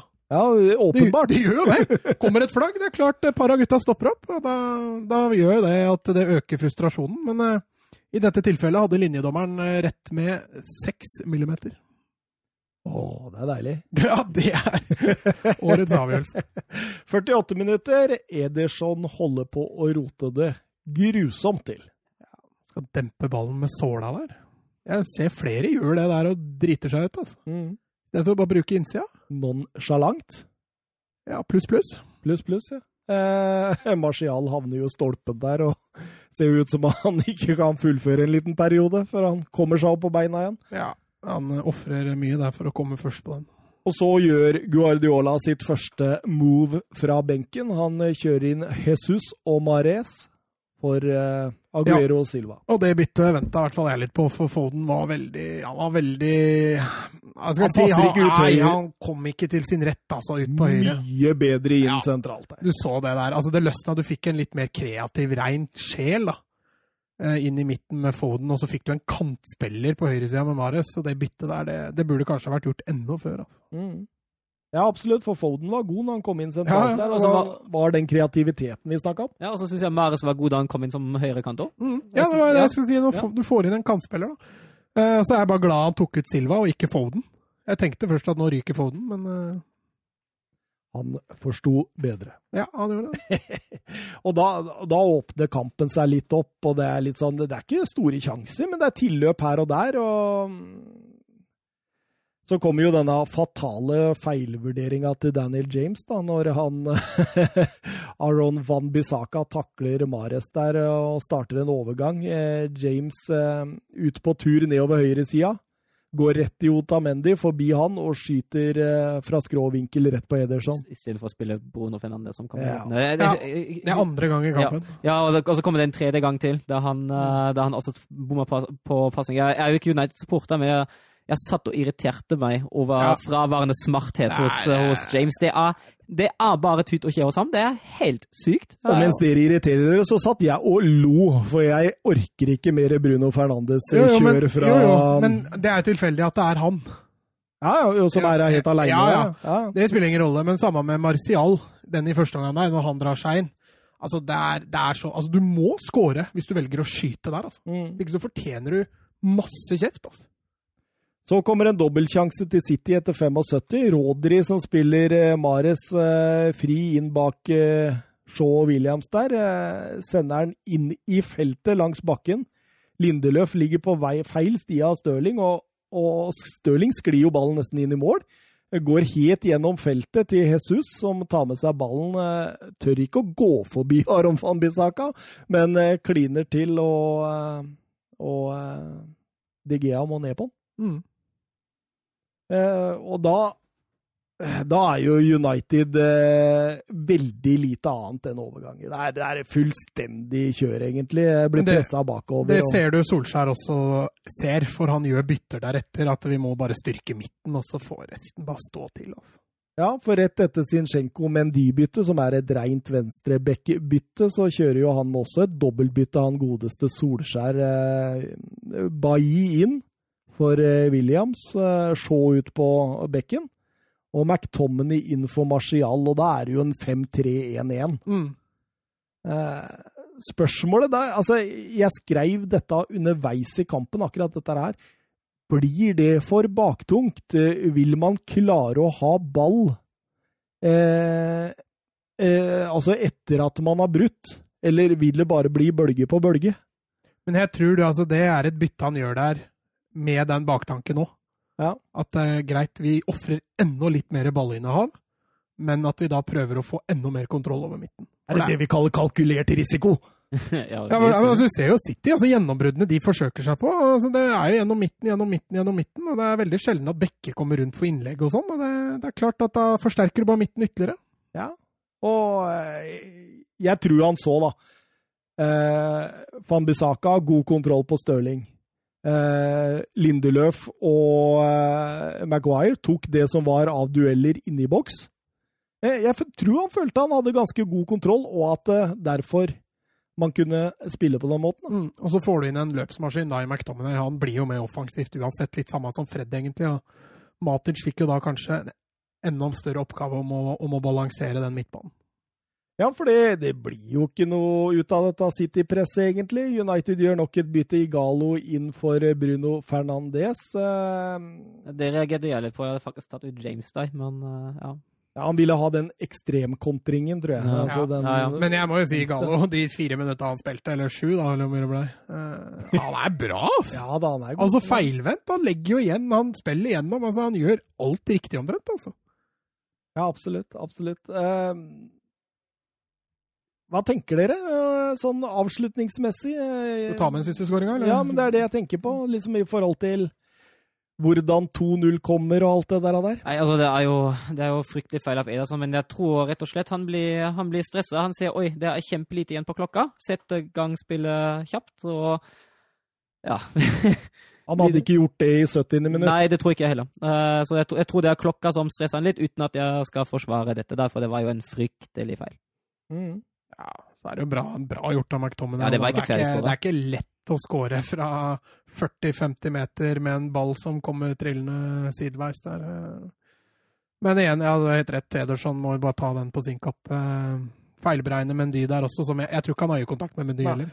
Jeg tror Nei. ikke de ser på hverandre i det hele tatt. Nei. Åh, mareritt, vet du.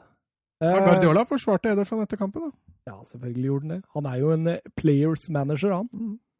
Eh, expected goal på City i denne kampen var 0,62. Det er det laveste de har hatt siden april 2019 mot Manchester United. eh, tredje seieren av fire mulige for Solskjær denne sesongen over eh, Pep Guardiola. Ja. Eh, det Det er Det, det, Det er runger. Det er Det runger, ja. Eh, Den kampen der syns jeg også det er fullt fortjent. Eh, Den kampen vi så på, på Etihad litt tidligere i sesongen, det, det var en jevnere kamp egentlig, hvor eh, City kunne fort ha vunnet. Den kampen der syns jeg City sliter. Mm. Syns ikke de kommer til noe helt stort. Det er som du sier på expected goals der. Altså. ja. De kunne fått et mål, liksom. Men Tenk å ha så mye ball og, og ha så få sjanser, egentlig. ja, altså det er gjennombruddshissighet, og United gjorde mye riktig defensivt i den kampen. Martial er kun historiens andre Manchester United-spiller som skårer i tre strake starter mot Manchester City. Det var Erik Cantona som hadde den forrige rekorden fra mars 93 til april 96, men han skåret i fem strake mot Manchester City. Stirling også, den fjerde yngste spilleren til å nå 250 Premier League-matcher. Han har fortsatt til gode å skåre mot United i Premier League. Ja, han har det, ja. ja. Han er, ikke- han er ikke ikke, ikke glad i å møte Manchester United og Liverpool, han eh, Stirling. Nei, men jeg tror mye av det ligger i Wambisaka, for han så pissredd ut hver gang han så Wambisaka dukka opp. Altså. Makan. Ja. Altså, han var på defensiven fra første minutt, altså. Og da passer det jo egentlig å ta banens beste før vi går over til eh, Twitter-spørsmåla. Du kan kjøre på du, Mats. Ja, det kan jeg godt gjøre. Jeg har eh, Altså, det var, eh, det var ikke lett altså, å skille ut noen eh, på noen av laga, egentlig. Det var mye, mye jevnt. Eh, Men jeg lander Jeg vurderte egentlig de sentrale først. Eh, Lander på, på Fred. Jeg syns han løper fantastisk mye. Gir tre poeng til Fred. Eh, Så egentlig ikke det komme i starten av sesongen, men eh, han, eh, han styrer egentlig mye defensivt for United og, og legger ned vanvittig mange meter. Van Bissaka får to poeng, først og fremst på det defensive. Han har full kontroll på Stirling eh, gjennom hele matchen. Eh, og så gir jeg ett poeng til Rodri. Eh, han er eh, pasningsspiller nummer én altså, i dette City-laget, og mye av grunnen til at City er så god på å holde ball. Ja. Søren? Jeg gir tre til Van Bissaka. Jeg syns han er kampens store spiller. har jo full kontroll bak det. Og så én fin pasning framover. Kommer jo Én fin Ja. pasning framover? Ja, jo Må jo nevne det! Ta med den ene fine pasningen av alle. Nei, det er jo det er mye til å være Van Bissaka, da. Men eh, nei, jeg syns han, han er helt sjef, uh, helt sjef bakover. Uh, jeg gir uh, to til Matic. Jeg syns han, han er veldig god uh, hjemover. Jeg vurderte Fred òg, så kom jeg på at han hadde mista en del baller i en uh, lang fase i oppbyggingen, så da fikk ikke han poeng. Og så gir jeg en til Mares, som jeg syns bidrar veldig mye med i hvert fall mye friskhet og kreativitet når han kommer inn til City. Ja.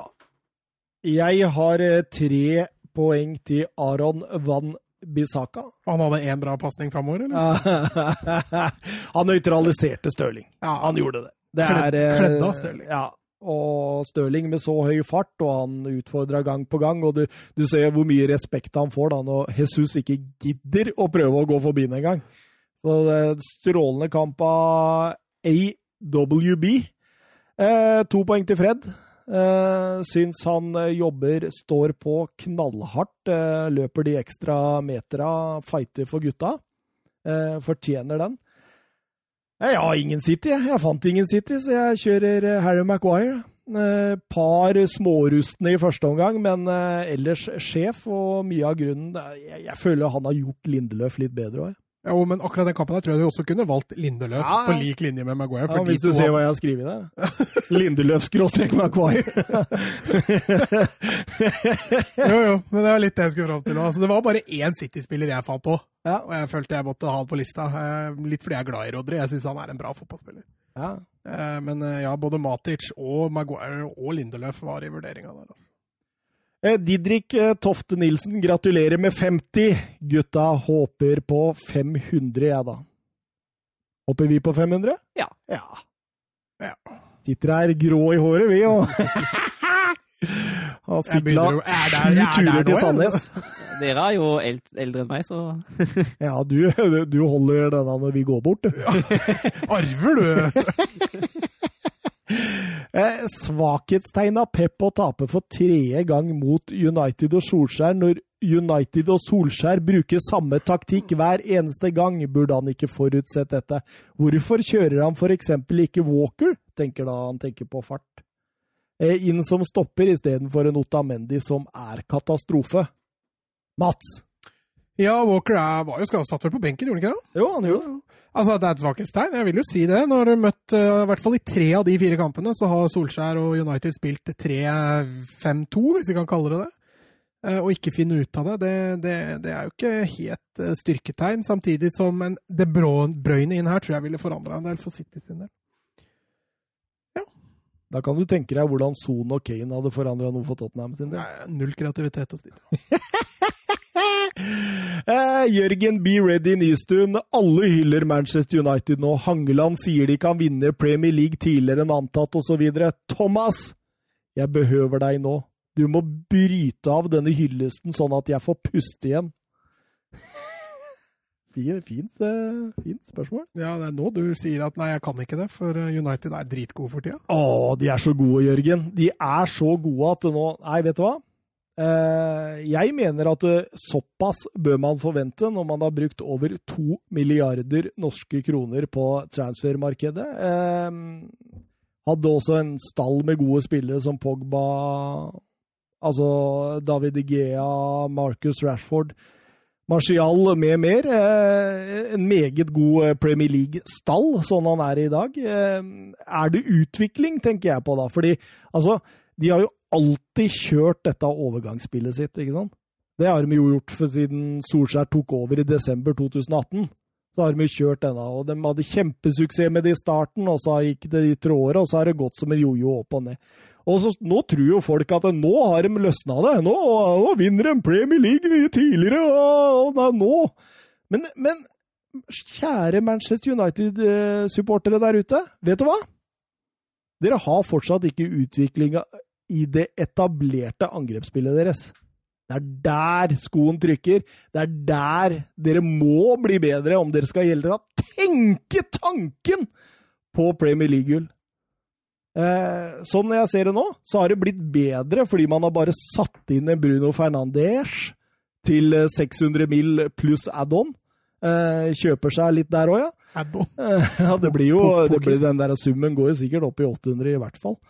Eh, og jeg, jeg, tenker jo det at eh, det har bedra litt, men eh, hva skjer når han blir skada? Hva skjer eh, eventuelt Altså, jeg, jeg, ser ingen plan på hvordan man skal angripe annet enn å ta laga i ubalanse. Grunnspill til etablert angrep. Ikke sant, ikke sant. Eh, jeg ser ikke den. Jeg ser ikke hvordan de har blitt bedre på det der, og dermed vil dette gå i jojo. Men, eh, men, der man ser utvikling på United, hvis jeg skal ta det litt opp igjen, er jo eh, Jørgen, legg, legg, merke til det. Også. Ja, er at eh, jeg syns de har blitt bedre i etablert forsvar. Ja, der ser jeg utvikling. Det, det syns jeg òg. Og det var I tidligere sesonger så var ikke det der. Men det holder ikke, og du vinner ikke nei, Premier League-gull uten å ha et offensivt grunnspill. Og, og, og, være Manchester United, så går ikke det. Nei, nei, nei. det er ikke mulig. Det er jeg helt enig i, men, men eh, en godt transfer-vindu nå i sommer, Jørgen, så eh, Så sier de jo da ti strake uten tap og alt mulig. Altså, vi snakker om Tranmere her, liksom. Vi snakker om brygget i Europa League. Vi snakker sånne ting. Dere røyk ut av Carabaho Cup. Eh, det, er, det, er, to kamper mot City inni der òg, da. Ja, og der røykte de jo sammenlagt. Ja, men den vant jo den ene kampen. Den vant den ene. Da var City allerede klar omtrent med 3-1 fra Old Trafford, ikke sant. Eh, Premier League-kampene nå Mats tenker bare vi, vi, mister så mange Manchester United-fans nå. Nei. Jeg, tenker bare Jeg ser alt etter det positive, og du bare bryter det ned. Men Wolverhampton-kampen, eh, som er en av disse ti, da 0-0. Wolverhampton var eh, Altså, det kunne fort blitt en Wolverhampton-seier der. Det samme med Everton i den 1-1-kampen eh, de hadde der. Eh, Sterkt 0-2 borte mot Chelsea, men det er fortsatt også en kamp som vingler. Eh, eneste overbevisende jeg mener de har hatt, altså for i denne kampen som vi også hadde som hovedkamp, det var også et resultat av at vi gir fra oss matchen, og så kontrer vi på dem etterpå. Og som men jeg Men aspekt, par aspekter av den kampen her er imponerende av United.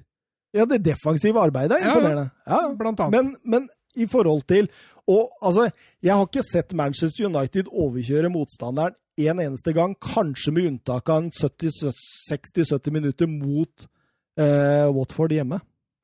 Og Brighton hjemme òg. Ja, men det er før disse ti. Ja, OK. ok, ok. Ja. Ja. Nei, jeg syns jo de var gode i syv minutter. Ja, du da, syns vel det! Åh.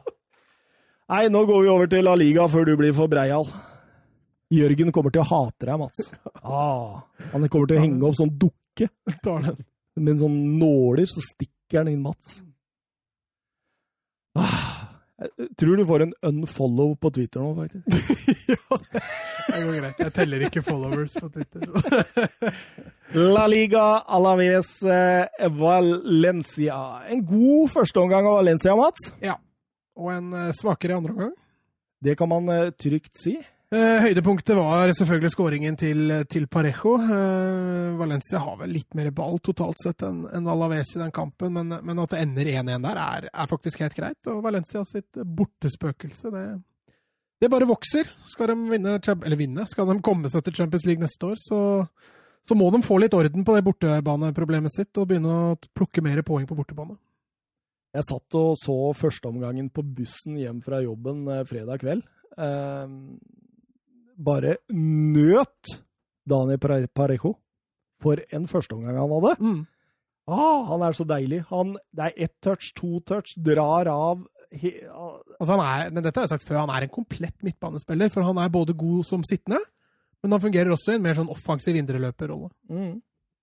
Eh, veldig skuffa over det jeg så av Alaves. Eh, Syns de hadde null og nada. Det var jo Hoselu hadde vel en halvsjanse. Ellers så var Pires Han gikk jo bare rundt og var småirritert og krangla på seg gule kort. Han fikk bare ett, da. Eh, han fikk bare ett, ja. Han gjorde det. Eh, Alaves bedre i annen. Ja. Eh, da hadde jeg kommet hjem. Eh, fikk ikke sett de første kvarteret av eh, andre omgangen, men eh, syns det var bedre med, og det er morsomt at Edgar Mendes setter 1-1. Han har jo vært på et lite eventyr de siste Han dro til Cruz Azul, var det ikke det? Jo, han har vært en tur i Sør-Amerika og spilt litt fotball, og, og, kom tilbake igjen og, og fikk scoring, så det, det, var gøy. Det er deilig for han. Det var femte kampen hans etter overgangen. Mm. Fikk en endelig satt den. Parejo, elleve frisparkmål siden eh, 14-15-sesongen. Kun Messi med flere. Ja, jeg er nok bare Messi som er bedre enn han i verden på akkurat det der. Absolutt. Eh, Garetano, han, eh, det er jo Valencia er det laget han taper flest ganger mot i løpet av I forhold til historien, så jeg regner med at han var fornøyd ja, med 1-1. Ja, altså sånn etter første omgang der, og, justere seg litt inn der og sørge for at Valencia mister det lille overtaket de hadde. Det er klart han, han er strålende fornøyd med det. og Hvis det er basert på de to omgangene og tenker at uh, hvis det er et lag som skulle ha vunnet der, så tenker jeg at Alaves faktisk hadde fortjent det. altså. Ja. Atletico Sevilla, Søren. Ja, det var en fin førsteomgang det deg. Endelig, eller? Ja. Men uh, ja, altså det er jo Jeg syns særlig, særlig første målet til de Jong det er, det er prestasjon, faktisk. Ja. Men uh, altså, skårer han i en sånn situasjon? Det var uh, Han pleier jo ikke å skåre på et sånne. Nei, det, det, det, jeg satt med akkurat samme tanke, at dette var ikke et klassisk de Jong-mål. Stefan Savic sa vel 'vær så god'. ja. Min sønn Brutus, her skal du få prøve. Eller så tenkte han at nei, de Jong, de, de Jong med oh, ja. beina. Der er de Jong, ja. Men uh, det var, uh, det var en morsom førsteomgang. Absolutt. Uh, og med tanke på hvordan andreomgangen blei, så, så var det bra det var en bra førsteomgang. Men jeg, jeg tenker på også, det kommer jo to VAR-avgjørelser her. Den bruker altså til sammen på disse VAR-avgjørelsene elleve minutter fra det skjer, til det ballen sitter i mål på hvert sitt straffespark. Elleve minutter! Voldsomt, ja. Og så, og så er det seks minutter tillegg i den første omgangen, liksom. Tok du tida, eller har du lest ja, jeg, jeg, jeg ble så overraska at jeg måtte liksom virkelig ta tida på det. Ja, nei, Det har ikke jeg gjort, så da må jeg stole på at det stemmer. Ja, det er, det er, jo helt håpløst. Det er jo helt skandale, egentlig, at det går an. Det er jo Ja, det er drøyt. Jeg er helt enig. Det er jo Men det, når du sier det, så følelsen når du satt og så kampen, var jo at det stemte. For det, det var seks minutter per, per, per, per situasjon der. Det, det, høres riktig ut. Uh, bruker så lang tid på å finne den konklusjonen, var, var rart. Men uh, greie straffe begge to, eller? Ja, Morata. Eh, eh. ja, det måtte en straffespark til! Bare sju til, nå, så er han på 15. Edvardsen. ja, det tror jeg skjer. Nå ble han jo skada. Ja, ja. Tror han ikke spiller i Europa nå. Mm, nei, det stemmer nok, ja. Når du mm. sier det. Eh, Annenomgangen, vi gidder vel ikke å snakke om den engang. Jeg kan jo nevne Felixen, da, som skåra i sin tredje match på rad. Det er jo gøy at han er i gang, og det trenger jo definitivt Atletico i jakten sin nå mot, mot Champions League. Eh, Ocampos fortsetter å skåre, så Fjerdekampen på rad for Campos? Ja, ja. Så det er to hva skal vi si, to artige spillere å følge med på. Eh, og kampen sett under ett var det vel OK at det blei uavgjort? Altså, Atletico har jo tolv uavgjorte i La Liga denne sesongen. Det er det høyeste i eh, klubbens historie i La Liga. Eh, de løsna derimot 21 skudd mot mål, som er det høyeste antallet siden de flytta inn på Wanda Metropolitano. Eh, de har 50 uavgjort på 151 La Liga-møter mellom disse klubbene, Atletico og Sevilla. Det er det høyeste av samtlige lag som møter. Når det kommer til de, til de skutt, uh, har jeg egentlig lyst til å skyte inn. Det var jo en god del uh, litt sånn desperate langskudd, særlig ute i andre omgang, syns jeg. da. Så... Løskrutt? Ja. Men nå leder Sociedad 2-0 over Eibar, så akkurat nå er Martin Ødegaard og co. i Champions League. Altså. Oi, oi, oi, tenk det. ja. Det er, eh, det er heftig. Men det er hva, jo... hva tror du om Martin Ødegaard? Tror du han blir, eller tror du han forlater? Han har jo selv uttalt at han har planlagt å være der i to år. Ja. Men det er klart, det utlånsavtalen er jo på ett år, men så tror jeg nok det ligger en muntlig, en muntlig enighet der om at uh, du skal være der i to år.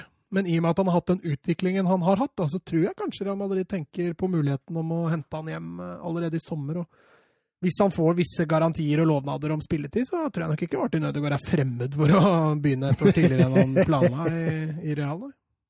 Sier ikke nei! Men det er utrolig jevnt der, da. Eh, det er fem poeng som skiller fra Sevilla på tredje til Valencia på sjuende, så den fjerdeplassen og tredje, den Og tenk Valencia som knapt nok vinner en fotballkamp for tida, så ligger de fortsatt oppi der. Ja, altså, de, men de rasker jo med seg poeng her og der, og det, det vi snakka om, at nå er Valencia nede på en skikkelig down, og så plutselig vinner de en fotballkamp. og det Altså var det jo ingen av lagene der oppe mellom og, eller mellom uh, Sevilla og Valencia som vant denne runden heller? da? Nei, samtlige topp åtte-lag, bortsett fra Barcelona. Ja. ja, for var det noen som vant, så var det jo Barcelona, da de fikk besøk av La Real. Ja, uh, en fryktelig dårlig førsteomgang fra Barcelona sin del. Uh, og den frispillinga som de dreiv og surra med mot Real Madrid, den tok de med seg inn i den kampen her. Sociedad har gjort hjemmeleksa si. Uh, og får det rett og slett ikke til å stemme. Uh, den frispillingsmetoden de har, med en dyp midtbanespiller som skal trekke på seg mann, og så skal det komme en indreløper ned, opp på indreløper og ut på stopper da, som flytter seg fram, uh, fungerte svært dårlig. Og mye fæle brudd altså, som kunne straffa seg. Mm. Ja, for det var jo ikke gitt at Barcelona skulle vinne dette. Nei, på ingen måte. trengte litt hjelp av dommeren for å få det til, faktisk. ja, fordi du mener det er billig? Ja, altså hvis, Nå er jeg litt usikker på om samme hands-regelen gjelder i England som den gjør i Norge. da. Hvis skulder er hens, så er det jo en hens. Mm. Og du ser han har armen ut fra kroppen, og det er en unaturlig stilling, og den eh, kan helt sikkert forsvares, men dommeren blåser jo ikke på den på første forsøk. Og da kan man jo Det er sånn bob-bob. Uh, uansett, straffa ble gitt, og Messi skåra sikkert. Setter han med litt is der? Ja, han har kyla han. Ja, Messi, vet du. Jeg syns eh, Lareal de klarer jo ikke helt å svare på det. Jeg syns Barca De fikk jo en annullert der og helt på slutten med Jordi Alba. Ja, stemmer. Var en, var en offside der. Eh, men eh, jeg syns Sociedad, spesielt andre omgang, gjør, gjør, en profesjonell jobb. Og jeg hørte han Guillaume Balaguer. Balaguer. Han, ekstremt positiv på Sociedads vegne under kampen. Eh, mm. Mente at nå var det bare å kaste inn på Jarzabal og William Ose, og her har de muligheter til tre poeng. Ja. Uh, og jeg er for så vidt enig med han. Jeg syns Sociedad hadde et lite momentum i kampen, og Barcelona var superfrustrert. altså. Får, mm. ikke, får ikke dette til å gli. og... Tiki Takan er død? Ja, Han er ikke død, den prøver jo, men den får det jo ikke til. Uh, Tiki Takan er skada, det kan vi, kan vi, i hvert fall si. Tiki Takan halter. Så det, det lugger litt, men uh, motsetning til eh, erkerivalen som eh, var i Sevilla og spilte kamp, så greide Barca å ta tre poeng på en dårlig dag. Messi nå er nær eh, all time high toppskårer i topp fem-ligaene. Han har 438 mål på 474 kamper. Ronaldo har 437 mål på 540 kamper. Blir fortsatt litt kamp der, da. Ja, den er ikke helt ferdig. Ronaldo spiller vel fort han er 40. Eh, Messi tror jeg gir seg litt før, så jeg husker for mange år siden det er noe som har bare brent seg fast, at Petter Wæland Det var når Messi og Ronaldo lå helt likt i Champions League-toppskårer. Eh, så sa Wæland det at uh, dette tar Messi til slutt. Uh, men jeg husker jeg tenkte at Ronaldo kommer til å spille fotball mye lenger enn Messi. Mm. Da var jeg ikke helt enig med han, og det, det samme tenker jeg litt om akkurat den tittelen der. Da. For Messi tror jeg fort kan være ferdig på toppnivå i løpet av to, kanskje tre år. da. Ja. Ronaldo holder i hvert fall ut to-tre år til. Og hvis de urolighetene i Barcelona fortsetter, Ja, så, så tror jeg kanskje han stikker i- til Argentina. Newells Old Boys Ja, er fort neste arbeidsgiver. Han er en sånn type som kunne jo finne Ja, ja. på det.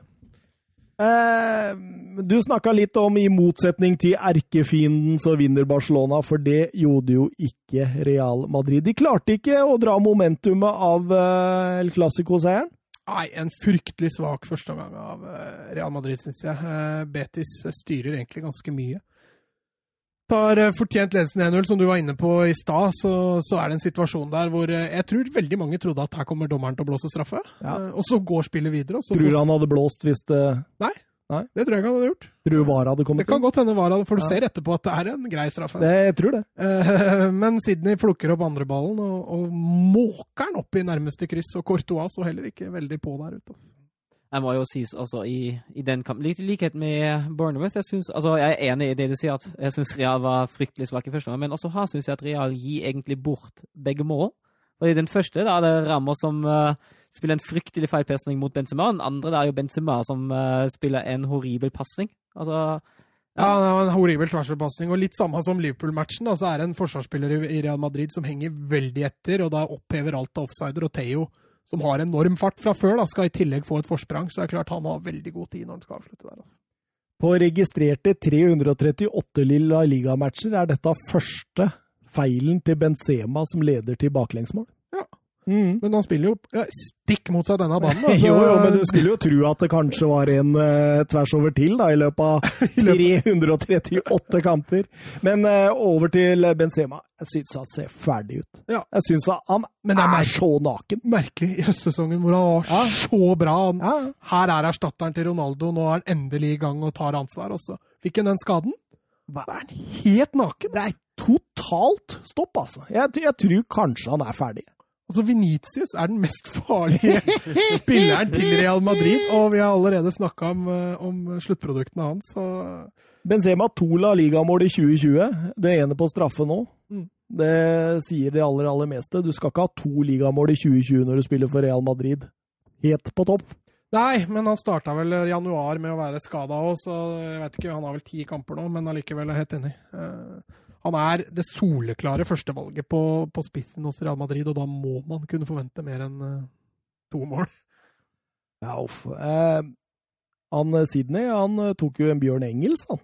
Ja, han, Han vi skulle hjelpe, hjelpe dem litt igjen. Det er første gang har skjedd i La Liga siden 2006, det. Så det, det er ikke vanligdags, tydeligvis, at eh, en eh, spiller skårer mål og lager straffespark i en og samme kamp. Nei, det er fordi det er ikke så vanlig at forsvarsspillere skårer. Eh, mer vanlig at forsvarsspillere lager straffe, selvfølgelig. Sydney jeg husker det var to-tre år siden hvor han hadde et vanvittig raid altså for Betis under Kikiset igjen. Så han, han har eh, mye fotball i seg, altså. selv om han begynner å dra på åra. Og Theo og Bartra ble ekstra hylla i Barcelona den kvelden. Ja, det var en del barndomsbilder fra tida i La Masia som florerte på Twitter, faktisk. Av Theo og Bartra, som eh, selvfølgelig er flaska opp i, i Barcelona, og som hjalp dem med et lite steg på veien. Sett i rest- resterende terminlista nå for de to lagene, og det, det der blir et bikkjeslagsmål helt inn. Altså. Du Det er det, ja? ikke noe lag der som har en klar fordel på terminlista. Oi, oi, oi, oi, oi, oi! Hvem det- tror du vinner, Søren? Kort. Jeg sa Real Madrid sist, jeg står ved Real Madrid. Ja, du vingler ikke. Vingler ikke. Hva har jeg sagt da, Mats? Eh, du har tidlig i sesongen sa du Barcelona. Jeg veit ikke om du har justert det? Nei, jeg tror ikke det. Jeg står på Barcelona. Ja. Eh, vi går videre til Søren! Åh, Søren, søren, søren! Wunderbar. det vipper i bordet. Eh, vi, vi kan begynne med et Twitter-spørsmål. Ja! Vebjørn Fredheim han spør et spørsmål direkte til deg, Jan Søren. Ja, så det er et nydelig spørsmål. Ja, for det, det, det, han har sendt et bilde inn, og så er det en fotballkamp jeg ikke klarer å se Stuttgart mot Bielefeld. Ja, ok. Ja. Dietmar Hopp ist ein Timo Werner, står det på banner der. Og, og, og Vebjørn han lurer på Den må du forklare meg. Ja, det, altså På norsk oversett er det jo dit med hopp er en Timo Werner. Uh, og der syns jeg at supporterne er faktisk veldig kreative. Fordi Timo Werner han, eh, han filmer seg til et straffespark eh, i en seriekamp mot Schalke 4.12.2016 og skårer på selveste straffespark. Han har litt, litt sånt rykte, har han ikke det? Ja, der fikk han det ryktet. Og han Og så, og så gikk han gjennom veldig mye fornærmelser fra diverse supportere, um, som da sang av full hals på diverse fotballstadioner i Tyskland. Timo Werner ist ein Horenson, altså en horesønn. um, Der han der kommer tilbake en gang på gang. og så har, det etablert seg litt sånn at Timo Werner er en, er en horesønn, har blitt en sånn greie blant uh, tyske fotballsupportere. Så nå, nå denne, dette banneren har dukka opp, og det blir sagt at Dietmar Hopp ist ein Timo Werner. Ja, Da mener de egentlig at uh, Dietmar Hopp Ja. ja jeg, jeg skjønner tanken. Altså, Ja, altså- uten å si det, så sier du det. ja så det, det, det er kreativt de skal ha for kreativiteten her. Du hyller det, altså? Eh, nei. jeg syns fortsatt at, uh, synes fortsatt at, uh, enkel, at personangrep uh, ikke hører hjemme. Jeg syns heller ikke det var greit at uh, Timo Werner måtte gå gjennom det han måtte gå gjennom, men altså, kan jeg fortsatt synes det er kreativt, da. Hva med Timo Werner er sønnen til Dietmar Hopp? Det kunne det stå. Men hvilken kamp sa du det var? Det var mot, mot Schalke i desember 2016. Å, det er så langt tilbake. Det er så langt tilbake i tid, ja. Glemmer ikke Tyskland. Nei. Nei, det Ikke Vebjørn Fredheim heller. Men jeg sier det var artig. Artig. Dietmar Hopp blir snakka om i podkasten for andre gang på rad. Skal vi se om Jonathan Ta blir nevnt seinere Ja, i dag. Ja, der var han nevnt! For vi skal jo over til Leverkosens maltraktering av eh, Frankfurt. ja. Det var egentlig ikke så mye Jonathan Ta å nevne der. Det er egentlig to andre Jo, han spillere. Jo kom, inn som, han kom inn som innbytter, for Bender ble skada. Det er viktig å få med seg. Ja, ja, ja, og han skjerma ballen veldig bra den ene gangen der, så vi, vi tar med det. Han hadde én pasning framover. Ja, veldig bra En veldig bra pasning framover. Ja, for en, blir for en verdens beste. da. Nei. Um, det ja, er tre stjerner, Det er to andre spillere som jeg syns er, er fint å nevne her. Den ene er selvfølgelig Kai Havert, som spiller nok en, eh, nok en veldig god fotballkamp. Eh, Ja, det, nå underdriver du veldig god. Ja, Ja. det var, det var, ja. det var høy, høy, høy klasse, Jeg er altså. helt enig. Det var en uh, fantastisk fotballkamp. Og den andre er Paulinho. Ja. Uh, talentet som ikke helt har klart å slå gjennom i Leverkosen. Spiller sin første kamp fra start for klubben i Bundesliga. Uh, Skåra sitt første hjemmemål. Uh, Skåra for første gang to mål i én Bundesliga-kamp. Og har i tillegg en assist. Så Den, den første skåringa der.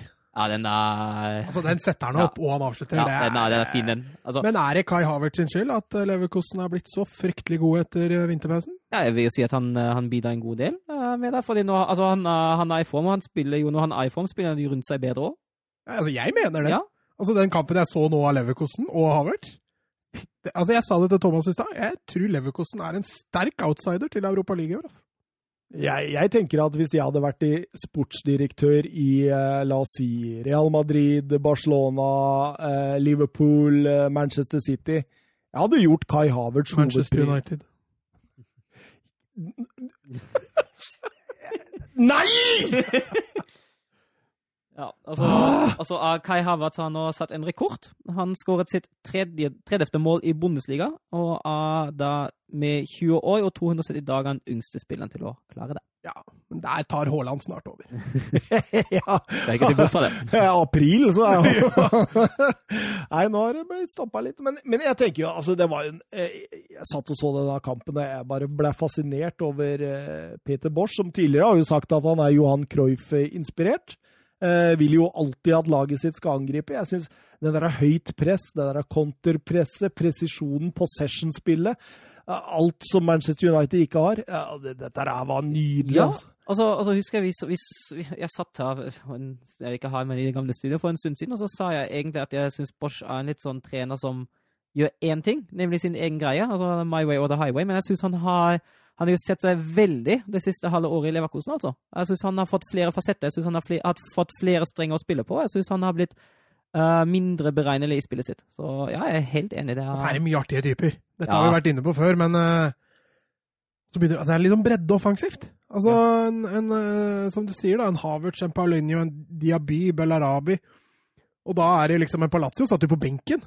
Eh, han har jo også vært knallgod etter at han kom inn. Amiri, eh, Alar, Alerio. Alari, ja, altså, Folland, Det Folland er mye, mye, mye snacks der. Det er mye snacks ja, altså, der. Folland er jo ute resten av sesongen. Så, Ja, ja. Leon Bailey, ikke minst. Ja. Og Jonathan Ta.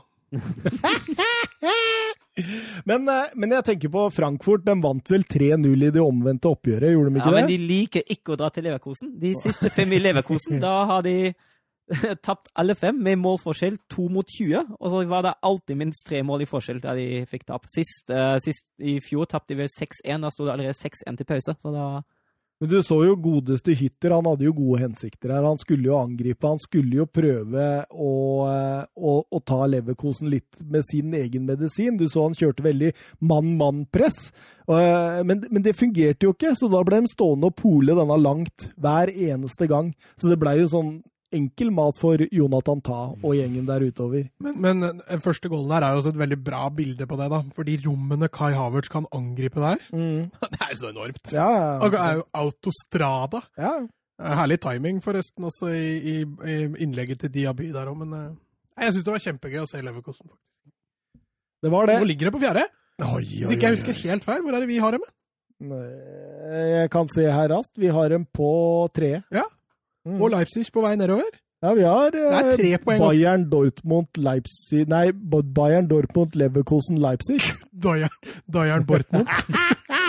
Eh, Gladbach, Hoffenheim, Frankfurt og Wolfsburg på åttende. Det er helt sjukt. Hvis Leverkosen og Leipzig bytter plass nå, så har vi topp fem. det, er, det er rått, faktisk. I hvert fall da to kløner uten Søren Dupker satt og satt mot dem. det er ni, ni kamper igjen, nå. Eh, nå skal vi over til et lag som Dere har vel snubla dere opp på sjetteplassen nå, Søren? Jeg tror vi er fortsatt på syvende. Ja, syvende. Er det sur, men, uh, men ja. hvis, uh, hvis, Bayern eller Leverkosen driver og vinner cupen, da blir det jo syvendeplass som også blir europaspill. Ja, ja, men hvis dere vinner Europa League, så blir det da, og da skal Søren sykle! da skal Søren være med deg! Hvis vi, hvis vi vinner, hvis vi vinner Europa League, sykler jeg med glede også, men det skjer ikke. Med glede òg. Det er deilig. Du kan veit hvor Sandnes er? Ja. Nei, det, det Norsk geografi, vet du. Det passer ikke en tysker, det. Eh, Wolfsburg har ikke tapt en fotballkamp den søren siden 1-2 mot Hertha Berlin 25. Ja. januar! Ja, men jeg syns det som egentlig er, er turning point her, uh, er denne forferdelige Düsseldorf-kampen med 1-1 uh, eh, hjemme, når vi egentlig spiller en kjempesvak kamp. fordi vi hadde jo den bortekamp i Paderborn som vi snakker om, der jeg egentlig mener at vi, vi får god hjelp av at Paderborn må spille over en omgang i, med en mann mindre, eller sliter vi der. Uh, og så spiller, spiller, laget veldig dårlig hjemme mot Düsseldorf, men etter det uh, da begynner det å bli litt mer flyt. Jeg syns også Glasene har begynt å bli litt mer fleksibel på, på taktikken sin. Han treffer bedre på inngangen, han treffer bedre på spillerdisponeringa, uh, og det er bra. Og så må, må, det jo nevnes at det var veldig fint at Kevin Mbabo ikke kunne spille, og at Renato Steffen måtte spille høyreback, for jeg syns han gjør sakene sine ganske ålreit. Har du gjort det før, eller? Ja, han, uh, altså han er jo egentlig en høyrekant, men han, ja, ja. Kan, han kan også brukes til høyreback. Og som jeg har sett ham de, de siste to nå, syns jeg egentlig han burde være førstevalget foran en Babo. Ja, ja. Send en melding da, til Glasner. Men dette var jo et defensiv masterclass av Oliver Glasner, og jeg håper Mourinho har sittet og sett på dette her, fordi altså de var så disiplinert mot systemet. De stenger av nøyaktig de Roma, Nagelsmann og eh, Leipzig vil bruke. Eh, de finner en sånn ekstremt god balanse mellom det defensive og det å kjøre overganger og det å angripe dem. Eh, jeg syns Leipzig sleit med rytmen, de sleit med å skape noe, og faktisk er eh, Wolfsburg eh, det klart beste laget i første omgang. Jeg er enig, og så mangler, mangler laget bare en kjapp spiss til å komme til to kjempestore sjanser. Og der har Mourinho Lucas Mora, vet du. Mm. Men altså, Verhost er jo blitt spilt gjennom egentlig to ganger, men så blir han henta igjen fordi han Han eier ikke fart, dessverre. Han har mange gode Hvorfor kvaliteter. himler du med øya? Ja, nei, ikke noe. Nei. Lucas Mora, liksom. Ja. ja. Det er bakgrunnsspiss, det. Nei, kan spille. Ja, for Mourinho kaller han ikke spiss. Mourinho har jo ikke spisser. Eh, annen omgang, Søren? Ja, da syns jeg Leipzig eh, løfter seg litt. Uh, men de klarer fortsatt ikke å komme seg, seg gjennom uh, forsvarsmuren der. Men nå, nå, sliter også Wolfsburg med å, med å kjøre noen overganger. Nå blir det veldig ensidig banespill ut til deg, men det stopper gjerne før siste tredjedel. Så hjalp det litt med Timo Werner inn. Fordi, ja, det syns jeg. Ja, fordi jeg, jeg, jeg føler at eh, Wolfsburg fikk Hva er det du surrer med? Nei, du sier Timo. Nå er dette på hopp, jeg, vet du. Hjalp, du er på dit var hopp ennå, du. Nei, det hjalp med en Horensson inn der, tenkte jeg. men, men, jeg syns det at eh, Fordi uh, plutselig så må de ta litt mer hensyn Ja. Fordi eh, det, det er ikke det samme med Josef Paulsen og han Nei, ja. eh, Pauls og Forsbekk er ikke i form for tida. De, begge to syns jeg spilte utrolig svakt. Det hjalp, uh, hjalp med Åmo, og som du sier, særlig Timo Werner. Det, det blir litt annerledes, da. Men du er fornøyd med 0-0 mot uh, Leipzig hjemme? hadde signert det før kampen. Men, men Olmo, han, han, Nei, han kom- får det ikke til, Nei, altså! han kommer ikke helt i gang, altså. Men han blir jo spilt i den der falske nieren hver eneste gang. Da. Ja, altså, I Spania og i Zagreb så var han liksom sånn trukket litt ut på kant. da. I, eh, og jeg er enig i det at jeg ser helt klart at han kan fungere i den tierrollen, men han får det ikke til i Leipzig. Nei. Og jeg, jeg ser liksom ingen andre roller han kan bruke han i heller. Det gjør ikke det, nei? Altså, han bruker disse wingback. Han er ikke noe wingback. Nei, han er jo ikke det. Og han, du kan ikke dytte den helt ned i, i fireren på midten heller. Det gjør ikke det. Nei, det er sant. Så det der eh, begynner jeg jaggu å bli litt stressa på. altså. Klassisk feilkjøp. Litt som eh, Christian Eriksen. Vi skal litt over til det seinere, men Borussia München Gladbach Dortmund, eh, Søren. Ja, det var en uh, fin og jevn kamp. Uh, Haaland tilbake fra start. Har en uh, tidlig assist der som Hazard Åh, ferdigskåra! Hazard holder på å rote bort ved en, ved en dårlig touch der, men han tar seg inn igjen og setter den fint i, fint i lengste. Fin skåring. Feira ikke så veldig. Nei, det var gamle klubben. Eh, han spilte jo for, i Mönchenglattberg fra 2014 til 2019, så da viser han Men, den- men den Cruyffen der som tre stykk Ja, ja. Borussia München Snakkes, Gladbach opp på. Ja. Både De er, Zakaria, Elvedi og Ginter bare fly. Altså, de er, har ikke kommet tilbake. Nei, dem har de ikke funnet igjen, faktisk. Nei, de, er, eh, de er oppe på tribunen der ennå og surrer rundt. faktisk. Men ellers må jeg si at jeg syns egentlig Mönchenglattberg er det beste laget i første omgang. Jeg syns det er de som skaper mest. Særlig Benzebaini har jo Ja! ja. Og han er så nydelig, han! Ja, det er fantastisk. Ja, så nydelig. Ja, men han er det. Ja, helt fint. Han eh, Fantastisk, altså. Ja, En nei. Nydelig kjøp fra Renn. eh, Åtte millioner euro, tror jeg det var. Det er jo galskap. Ja, nei, altså, jeg syns det er heldig at Dortmund leder, leder 1 til pausen der. Eh, Ja, for de kunne fått straffespark mot seg. Ja, de kunne det. Absolutt. I den, eh, den, den på overtid, da Zakaria blokka vekk eh, Hofmann. Ja, Nå kjører han ikke Mbolo og Turam fra start, altså. Turam hadde, hadde en liten skade etter Oxbow-kampen, så det var, han var vel ikke helt, eh, ikke helt frisk. Ja, begge kom jo inn. Ja, men han var ikke helt, helt superfrisk, så da tok han vel ikke noen sjanser. Og Mbolo har, har ikke spilt så mye i det siste fra start. det. Han, eh, er mulig han ikke har vært så nei, bra har, heller. altså, da, du, har jo, du har jo Stindel, du har jo, du har Plea, du har jo uh. Plea var brukbar. Ja, ja, han har vært brukbar ganske lenge nå. Altså, hadde jo Hoffmann og. Men spilte Zakaria stopper? Ja, Ja, han gjorde det, men så måtte han jo ut ganske tidlig. Ja, han måtte ut ganske. Sommer, han maltrakterte han jo. Hva hva er det Sommer driver med der, spør jeg. Han hadde vært relativt forbanna hadde keeperen kommet ut på den måten her. Og skada deg i tillegg. Oi, oi, oi. Og så går jo så går da Ginte sentralt, og så er det Janske som tar plassen på venstresida av uh, backlinja. Det er Stindel som eh, gjør opp for seg etter, etter den fryktelige pasningen eh, før 0-1 eh, i andre Men- omgang. Den. Hva er det Haaland driver med der? Ja. Ja, du kan Altså, Altså, jeg- han trekker, han trekker den imot linje, tenker du? Ja, det Ja, er helt han, opp, han opphever offsiden. Men det gjorde jo, snakka jeg om Piquet i forrige runde òg, Mm. når han trekker inn og redder på streken på El Clásico der. Ja. Eh, da opphever du alt som er offsider, Ja. og her gjør Haaland generaltabba og gjør akkurat det samme. Stindl står jo egentlig to meter ja, offside, absolutt. Men nei. Ja, altså, altså tror jeg kanskje at Haaland til og med hadde vunnet duellen hvis han hadde stått ved Ja, Stindel. Det, helt enig! Hadde Haaland bare blitt Ja. stående, så hadde det ikke det der blitt noe mål. Ja. Og når Haaland ligger nede, så setter Dortmund 1-2. Ja. Så, ja, så du Favre var bekymra? Ja. Når Haaland lå Ja, nede? Ja, da, han ble liksom. stressa, altså. Ja. Ja, innbytteren, innbytteren Sancho, uh, som spiller spiller Han Sancho, altså. Det er 15. assisten denne sesongen. Sto at United var i førersetet på å signere han. Tror du han går, eller? Til United? Nei, det gjør han ikke, men tror han går til Det sto at United er i førersetet. Men du må ikke tro på alt du hører. Jo, jo, Jeg, jo. jeg, tror, jeg tror ikke han går til United. Hvis, hvis United skal ha Sancho, må, må United ha, spille Champions League. Uh, det ser jeg ikke helt ennå. Uten Champions League går ikke Åh, Sancho til! United. Så Jeg er med nå, altså? Jeg hører musikk her! Å, ja!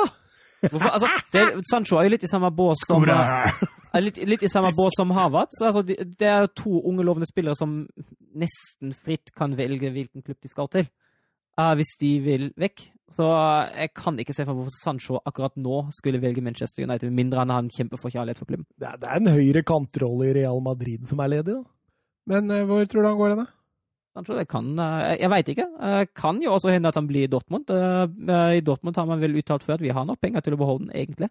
Så, Men jeg ser også at Real Madrid har jo Mbappé som førstevalg. Ja, man går inn på venstre. Ja, Hazard, da? Nei, han er ferdig. Ferdig? Ja, han er jo, han er jo bare skada. Ja, OK, OK, OK. ok, ok. ja, nei, ja. Nei, jeg må jo si på, den to, på det 2-1-målet Jeg tror eh, Hakimi begynner å svette litt på veien til mål, for han får en skikkelig dårlig, dårlig andretouch. Som, som, eh, Men den andre touchen gjør at han får en grei jobb, egentlig. Det er Ja, litt for jeg så- merkelig. Jeg sy- jeg syns Sommer først, først sov han litt, og så sklir han litt. Og det er en eh, kombinasjon som jeg ikke klarer å, klarer å Ja, for det er nettopp du er inne på noe der. For hvis Sommer følger med, Ja. så er han jo i beina på Ja. Det er akkurat det. Og Sommer han skada, skada egen spiller og kunne tatt 1-2. Så det var ikke noe god kamp. Nei, altså Ayo burde jo uh, Embolo utligne ti minutter før slutt. Det gjør han ikke. Det blir en kjempemiss. Så vinner Dortmund noe heldig det her. Jeg syns egentlig Tiende strake mot München-Gladbach. Ja, jeg synes, ja uh, de, var, de har vært nære. De har vel tapt alle tre offisielle kamper mot Dortmund den sesongen med ett målsforskjell. Mm. Eller noe sånt. Det var i hvert fall, i hvert fall ikke langt unna. Um, men uh, ja. Historien gjentar seg. Historien er gjentar seg. Altså, av det ti gule kort i den kampen. Én gang i Bundesliga at det var et elleve. Det var da Braunschweig møtte på Hamburg i eh, 2014. Og ingen av de spiller i Bundesliga i dag. Det stemmer. Ett poeng. Skriv ett poeng. Det verste er at jeg tenkte quiz òg. Jeg satt og tenkte at dette skal du få det er spørsmål om i episode 52, tenkte jeg. Eh, Bayern München Augsburg, eh, ikke mye å rope hurra for, egentlig. Jeg syns draktene var litt kule, da. Ja, de, de jubileumsdraktene. Bayern fylte jo 120 år om dagen, og da spilte de med sånne tradisjonsdrakter. Men det var det fineste i spillet deres, det er jeg helt enig i. Ja, det var eh, traurige saker, det der, der altså. Ja, særlig første omgang, det var jo helt katastrofe. Første sjanse kom jeg vel på 45 pluss 1, eh, da Mulla, Mulla bomma. Setter han over. Eh, ellers er det ingenting som skjer første, første 45. Augsburg er, er gode til å, til å stenge av Bayern, men eh, ikke særlig gode til å skape noe sjøl. Det er jo eh, Martin Schmidt i et nøtteskall i dag Som fikk sparken. som fikk sparken, og det var altså Jeg skjønner jo egentlig ikke hvorfor han ble ansatt i det hele tatt. Det var etter min mening den nest dårligste treneren i Bundesliga som nå fikk sparken. Heiko Herlich uh, tar over, og vi får se hvordan, uh, hvordan det går. Han har Det blir nok herlig. det er spådommen. Herlig. Men uh, hvor lenge er Lewandowski ute? Han vil uh, han, han, skal, han, skal, han skal være tilbake etter landslagspausen, tror jeg. Ja, så Chelsea slipper å møte Lewandowski. Ja, Men de har jo 3-0 i Jo, jo, men da kan Haaland gå forbi. Å, Ja, sånn, ja. Haaland-fanboy. Solskjær og Haaland. Men uh, ute i annen omgang så løsner det noe. De er ikke gode da, men det løsner men noe. Det, det, det jeg syns- jeg syns det hjelper å få 1-0. Uh, måtte jo en uh, lang ball uh, Den er nydelig. Den er Herlig, nydelig. herlig Boateng til deg. Ja. Ja. nydelig ball. Men det er jo det som måtte til. Uh, en, en lang ball, en fin lang ball over forsvaret som, uh, som Mulla plasserer i mål. Og så syns jeg Bayern skaper i hvert fall litt fordi Augsburg også må, må åpne litt mer. Uh, men Bayern er også heldig at, uh, at det ikke blir utligning uh, ti minutter for slutt. Ja, Florian Niederlechner. Ja, Ja, han hadde et par sjanser på slutten. Ja, det var Jeg tror den Ja. ja. Ja, og så var det jo den offside-målen han fikk annullert. Ja, den fikk, stemmer, han- stemmer, den fikk stemmer. annullert, uh, annullert korrekt, så den, eh, den teller jeg ikke med. Så er det jo Goretzka som, uh, som punkterer kampen på litt inn i overtid. Ja. Ja, ikke noe av. strake tapet i Augsburg, og det er mot Leverkosen, Borussia München-Gladbach og Bayern München. Ja, altså- Så han har jo ikke fått det lett av Martin Smith. Da. Nei, men altså, de har ikke gjort seg helt bort, men de har, de har, altså, de har i hele 2020 har de tatt fire poeng. Eh, og det er nok, det er nok den- den utviklinga som, eh, som klubben er bekymra for. Nå er det bare fem poeng ned til, ned til kvalikplass, og da blir det Ja, du trener nå. Det begynner å bli store avstander i bånn i Bundesligaen. Nei, det blir det. Det skyldes, det skyldes jo at de, at de tre bakerste der uh, ligger litt dårlig an. Jo, jo, men Fortuna har fått en liten luke nå, dem òg. Tror du Ja. Verde Bremen rykker ned? Ja, jeg tror det. Er det, er det dere Ove som eh, redder plassen her nå? Ja, det er fire po ja, ja, de er, ligger jo på kvalik, da. Ja. Så er det jo da, som Søren sier, det er jo fire poeng opp eller sånt til Mainz. Ja, de, de spilte i uavgjort mot 1-1. Eh, litt uh, uheldig for Düsseldorf, litt heldig for Mainz. Også, nå, det, nå må det sies Werder Bremen. Uh, de klarer jo ikke å vinne fotballkamper. Så leder de 2-0 i Berlin etter ti minutter. og så roter de bort det der mot det andre skikkelig kriselaget i Bundesliga. Altså, da, da lurer du på hvem vil dette laget egentlig ta poeng mot. Ja, altså, de, hvis ikke jeg husker rett feil, så er det vel noen hengekamper. Ja, De har én hengekamp mot Eintracht Frankfurt. Ja. Uh, og så er det, Sist jeg sjekka, var det litt sånn usikkert om de skulle spille mandag mot Leverkosen. Uh, altså Det blir i hvert fall ikke mist tilskuere på hjemmebane, ellers så blir en utsatt. Det var, var man ikke 100% sikker på, men uh, ja, det, det lukter ganske På Paderborn, der er det kjørt. ja, er- Paderborn, Paderborn er vekk. Der er det vel ti de- poeng ja, noe de- opp til trygg plass. Paderborn rykker ned. Det, det er ikke noe tvil om. Men Union Berlin, Ja, de, er, de overlever. De overlever.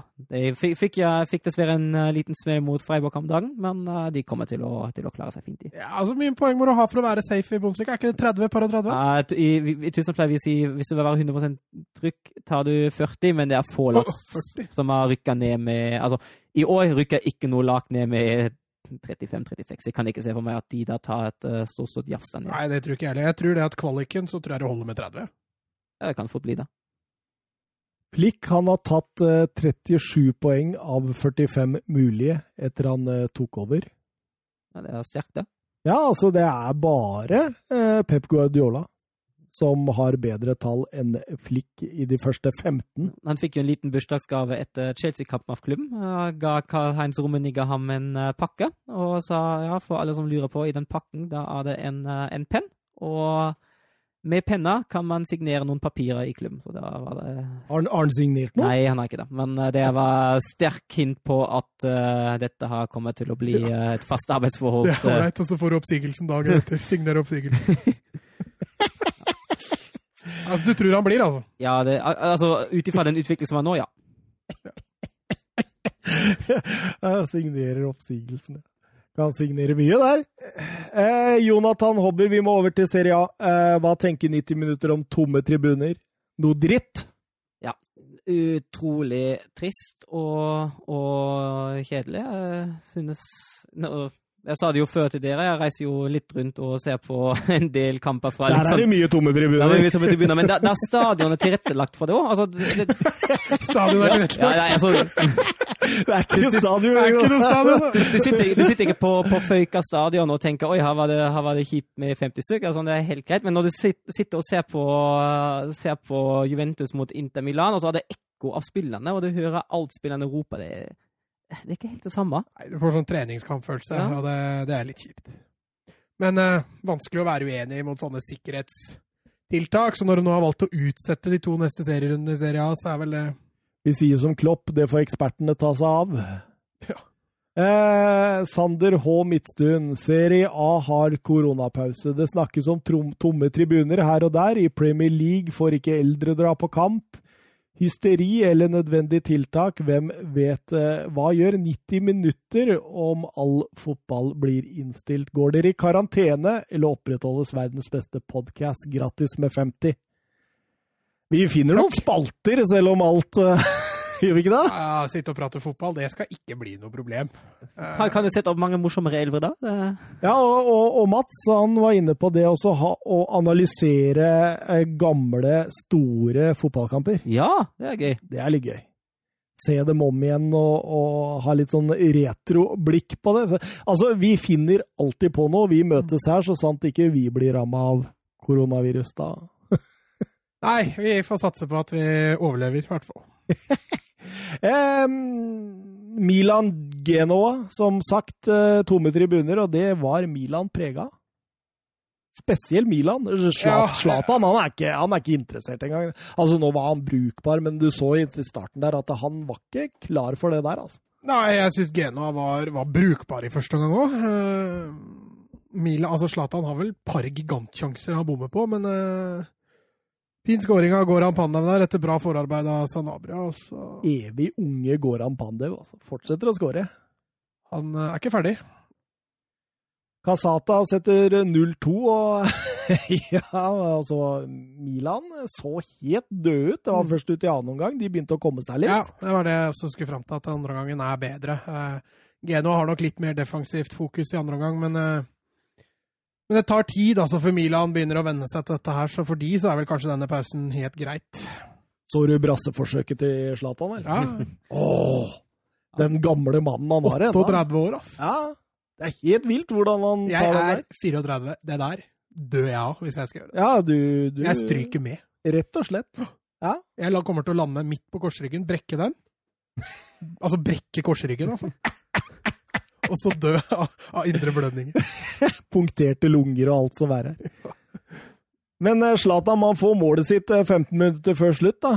Ja, han burde ha skåra, som du sier, Mats, han burde ha skåra mer enn det ene, syns jeg. Uh, Mm. både, den, både den headingen i, i første omgang uh, og headingen i andre omgang burde egentlig ja, I hvert fall én av dem burde ha gitt bedre uttelling enn det. Altså, Den ene der blir jo litt forstyrra, men Ja. som en så rutinert spiss da, så skal du jo alltid forvente ballen. Kan ikke Men eh, hold dere fast når jeg sier at Milan taper kun sin andre kamp i 2020.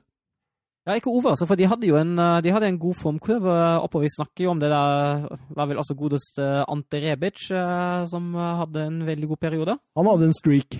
Ja. Absolutt. Eh, men Genoa er i form. De har vunnet tre av de siste fire i Serie A nå. Det blei Det tok 32 kamper for dem i forkant av dette for å vinne tre kamper. Så dette må sies å være helomsving før Ja. vi skal en liten tur til Derby di Italia. Ja. Og du skal avskrive din seriefavoritt. seriefavoritt. Sa du i bilen i stad, i hvert fall. Ja, jeg har ikke noe tro på det nå. Jeg syns det så så svakt ut. At jeg syns ikke Juventus ser bra ut heller. Andre omgangen er bra. bra. Ja, jeg klart første omgang var dårlig, andre omgangen var bra. Jeg syns Lazio ser ut som det beste laget, så jeg vingler, og så sier jeg at Lazio kommer til å vinne det. Nei, vingler du? Ja. Fordi jeg mener at det Inter gjør, det blir altfor defensivt. Det er Indreløpere har et defensivt eh, preg. Den sentrale på midten der eh, har først og fremst defensive oppgaver. Jeg syns vingbekkene blir mer bekker enn vinger, og at det, alt går opp til eh, Overlates Martinez. til Martinez og Lukaku. Og det, det holder ikke lengden. Det holder ikke lengden. Nei, eh, jeg står fortsatt ved Juventus. Jeg, da. jeg eh, tror de har en for bra bredde i stallen til at Lazio kan matche dem. Nå er vel Lazio eh, har jo ikke så mange kamper som Juventus, men jeg tror de skal klare å stå helt inn. Den andre gangen bærer preg av at jeg tror de skal greie det. Altså. Men for en annen omgang de hadde. Mm. De skrudde opp tempoet og en nydelig Dybala. da. Ja, hvorfor, altså, hvorfor, hvorfor starta Douglas Costa ikke Dybala? Jeg, jeg forstår det ikke. Eh, Sikkert fordi han vil få i gang Douglas Costa, tror jeg. Men Ja. altså det... Men i en så viktig kamp, å ikke starte med en av dine beste spillere, jeg syns det, er- det er galskap, altså. Ja, nei, Det er alltid for og imot, selvfølgelig. Å få inn en frisk Dybala det hjelper sikkert, det òg, men jeg er helt enig. Jeg skjønner ikke hva, hvorfor han prioriterer det. Men en liten hyllest til Stix. Jeg syns han er bra. altså. Stixi? Ja, feilvendt, altså. Ja. Kan ikke bruke den i bakrom, for det går jo altfor sakte. Men eh, Feitvendt, sa du? feitvendt, ja. Ja. Så er han, jeg syns han er strålende. Opp på Higuain og bretter ut spillet. Det, det er helt nydelig. Og så har du selvfølgelig en Ronaldo som i første omgang er det eneste positive til Juventus, syns jeg. Ja. Andre omgang er det mye sutring og klaging, Mm. selvfølgelig. Og han får ikke det målet sitt for å sette rekord, men, men eh, et Juventus-lag som, som ser bra ut. Uh, Bentancour syns jeg er strålende. Så når Ronaldo ankom stadion? Ja, han high-fiva på publikum, ja. Det var litt humor. Ah, ah, litt humor og han der karen der. Eh, jeg, jeg, jeg, Juventus bra, Inter dårlig. Jeg har lyst til å snakke litt om dette Inter-laget, altså. Ja, Inter fikk jo en utvist da. Ja, Reservekeeperen, ja. Stemmer det? Stemmer det? Han sliter. sa, men, men der kommer det av ingen tilskuere, så plutselig hørte dommeren han sa. hører dommerne hva de sier. Men eh, jeg tenker på Christian Eriksen. Vi snakka om det litt eh, tidligere, Mats. Eh, passer han i dette systemet? Nei, vi var vel enige om at vi ser ikke helt hvor han skal lykkes hen i dette Inter-laget. Vi har jo vært innom det før også. Hvor skal Eriksen inn? Mm. Og det er som du nevner tidligere her, altså de har defensivt preg på indreløperne sine. De har to spisser-spisser, hvis vi kan kalle det det. To framoverretta typer. Så Han passer jo heller ikke inn der, og du kan jo i hvert fall ikke dytte Eriksen inn som en wingback. Så mm, han, han har en jobb å gjøre hvis han skal skolere Eriksen til å bidra i, den, uh, i dette laget her. Og du sa det jo du, at dette er fort nok et feilkjøp. Ja, han spilte tier i, i uh, Ajax. Han uh, spilte som en av tre bak Kane i en offensiv rolle i Tottenham. Han har stort sett spilt tier på det danske landslaget. Hvis han skal inn i den eh, indreløperen Det vil ta lang tid å skolere den, og jeg tror også, altså sånn jeg har sett den, så ser han jo helt naken ut når han spiller fotball for Inter. Helt, altså det har ikke blitt et spor bedre, kanskje litt dårligere i forhold til åssen det var for Tottenham den siste delen av det. Altså den sesongen her generelt sett for Eriksen er, eh, Det er ikke bra nok. Nei, det er, eh, det er tynn suppe. Men eh, Aaron Ramsey, han fikk en opptur. Jeg syns han var bra. Frisk. Frisk Mm. er vel kanskje riktig, riktig ord. Eh, han gjør en del feil også, men det er mye vilje der. Han er ofte først i midtbanerekka når det gjelder å kontre, og da han spiller ved siden av Matuidi, altså, så det, det sier ikke så rent lite, det. Eh, Og så har han jo selvfølgelig en eh, Jeg kan jo si fin scoring, men han har jo litt tur der òg. Mm. Dette var Cristiano Ronaldos tusende kamp, hvis du tar bort disse B-kampene for sporting. Mm. Det har leda til 725 mål. 152 straffer hvor han har skåret på 127. Han har 11 røde kort og ett selvmål Ja, det husker jeg. Det er i Real Madrid. mot Granada. Ja, stemmer. Åh, nå var vi gjennom, gutta. Vi er ikke det, vet du. Fordi Fordi vi har jo eh, I forhold til eh, forrige ukes store suksess med Hardhouse Eleven, så har vi nå eh, funnet opp en liten Eller vi skal diskutere oss fram til en elver eh, med de morsomste Funny names. ja, spillernavna. Sette opp dette i en elver, og her var det mye godis å dra opp. Eh, vi kan jo begynne rett på det, så begynner vi på keeperen. Eh, er det noen som har noen alternativer der? Ja vel, han du nevnte, Thomas. Er vel godeste Fabian Assman. Ja, altså jeg har jo fire alternativer her, så kan vi jo stemme fram den beste. Eh, jeg har Fabian Assman, en 33 år gammel keeper fra Argentina. Eh, faktisk vært på lån i Las Palmas eh, før i tiden. Ganske habil type. Eh, Independiente produkt. Vi har Norman Conquest, som altså betyr erobrer på, eh, på norsk, for de som ikke visste det. Australier. Han er ja, fra Australia. eh, Elleve landskamper der. Eh, faktisk ble han født i 1916, så vi skal litt tilbake i tid her. Mm. Eh, Han ja, spiller ikke i dag, med andre ord. Nei, jeg tror han faktisk har eh, Lagt lagt tøflene på hylla. Eh, Cyprien Baguette. Ganske, ganske artig navn. Belgisk keeper, 30 år. Eh, spilte i Charlotte. Søren syns det var dritkult, faktisk. Ja, Men er ikke, er ikke bagettkult? eh, ganske habil keeper. Spilte mange år i eh, toppserien i Belgia. Og så har du Dominic Dropsy. Da. Jeg syns det er litt morsomt når du er keeper. Han eh, er ikke så dårlig som navnet skulle tilsa. Spilte i, spilte i VM i 78 mm, for Frankrike. Fikk én kamp der i 3-1-seieren mot uh, Ungarn. Assman, uh, Conquest, Baguette eller Dropsy? Jeg må stemme for Assman, ass. Ja, jeg er ganske enig i den. Ja, jeg er vel ikke noe konkurranse, egentlig. Da blir det Assman inn i Inn i den uh, bruduljen der. Eh, har vi noen eh, forsvarsspillere?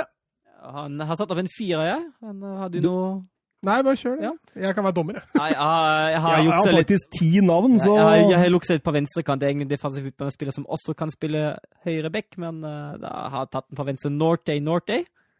En, Norty Naughty Naughty. En, uh, jeg tror en Ghana som er født i 1994, som nå spiller i Conference, eller noe sånt. Uh, I hvert fall litt sånn lavere nivå i England. Uh, Midtstopperparet mitt er uh, Argel Fox.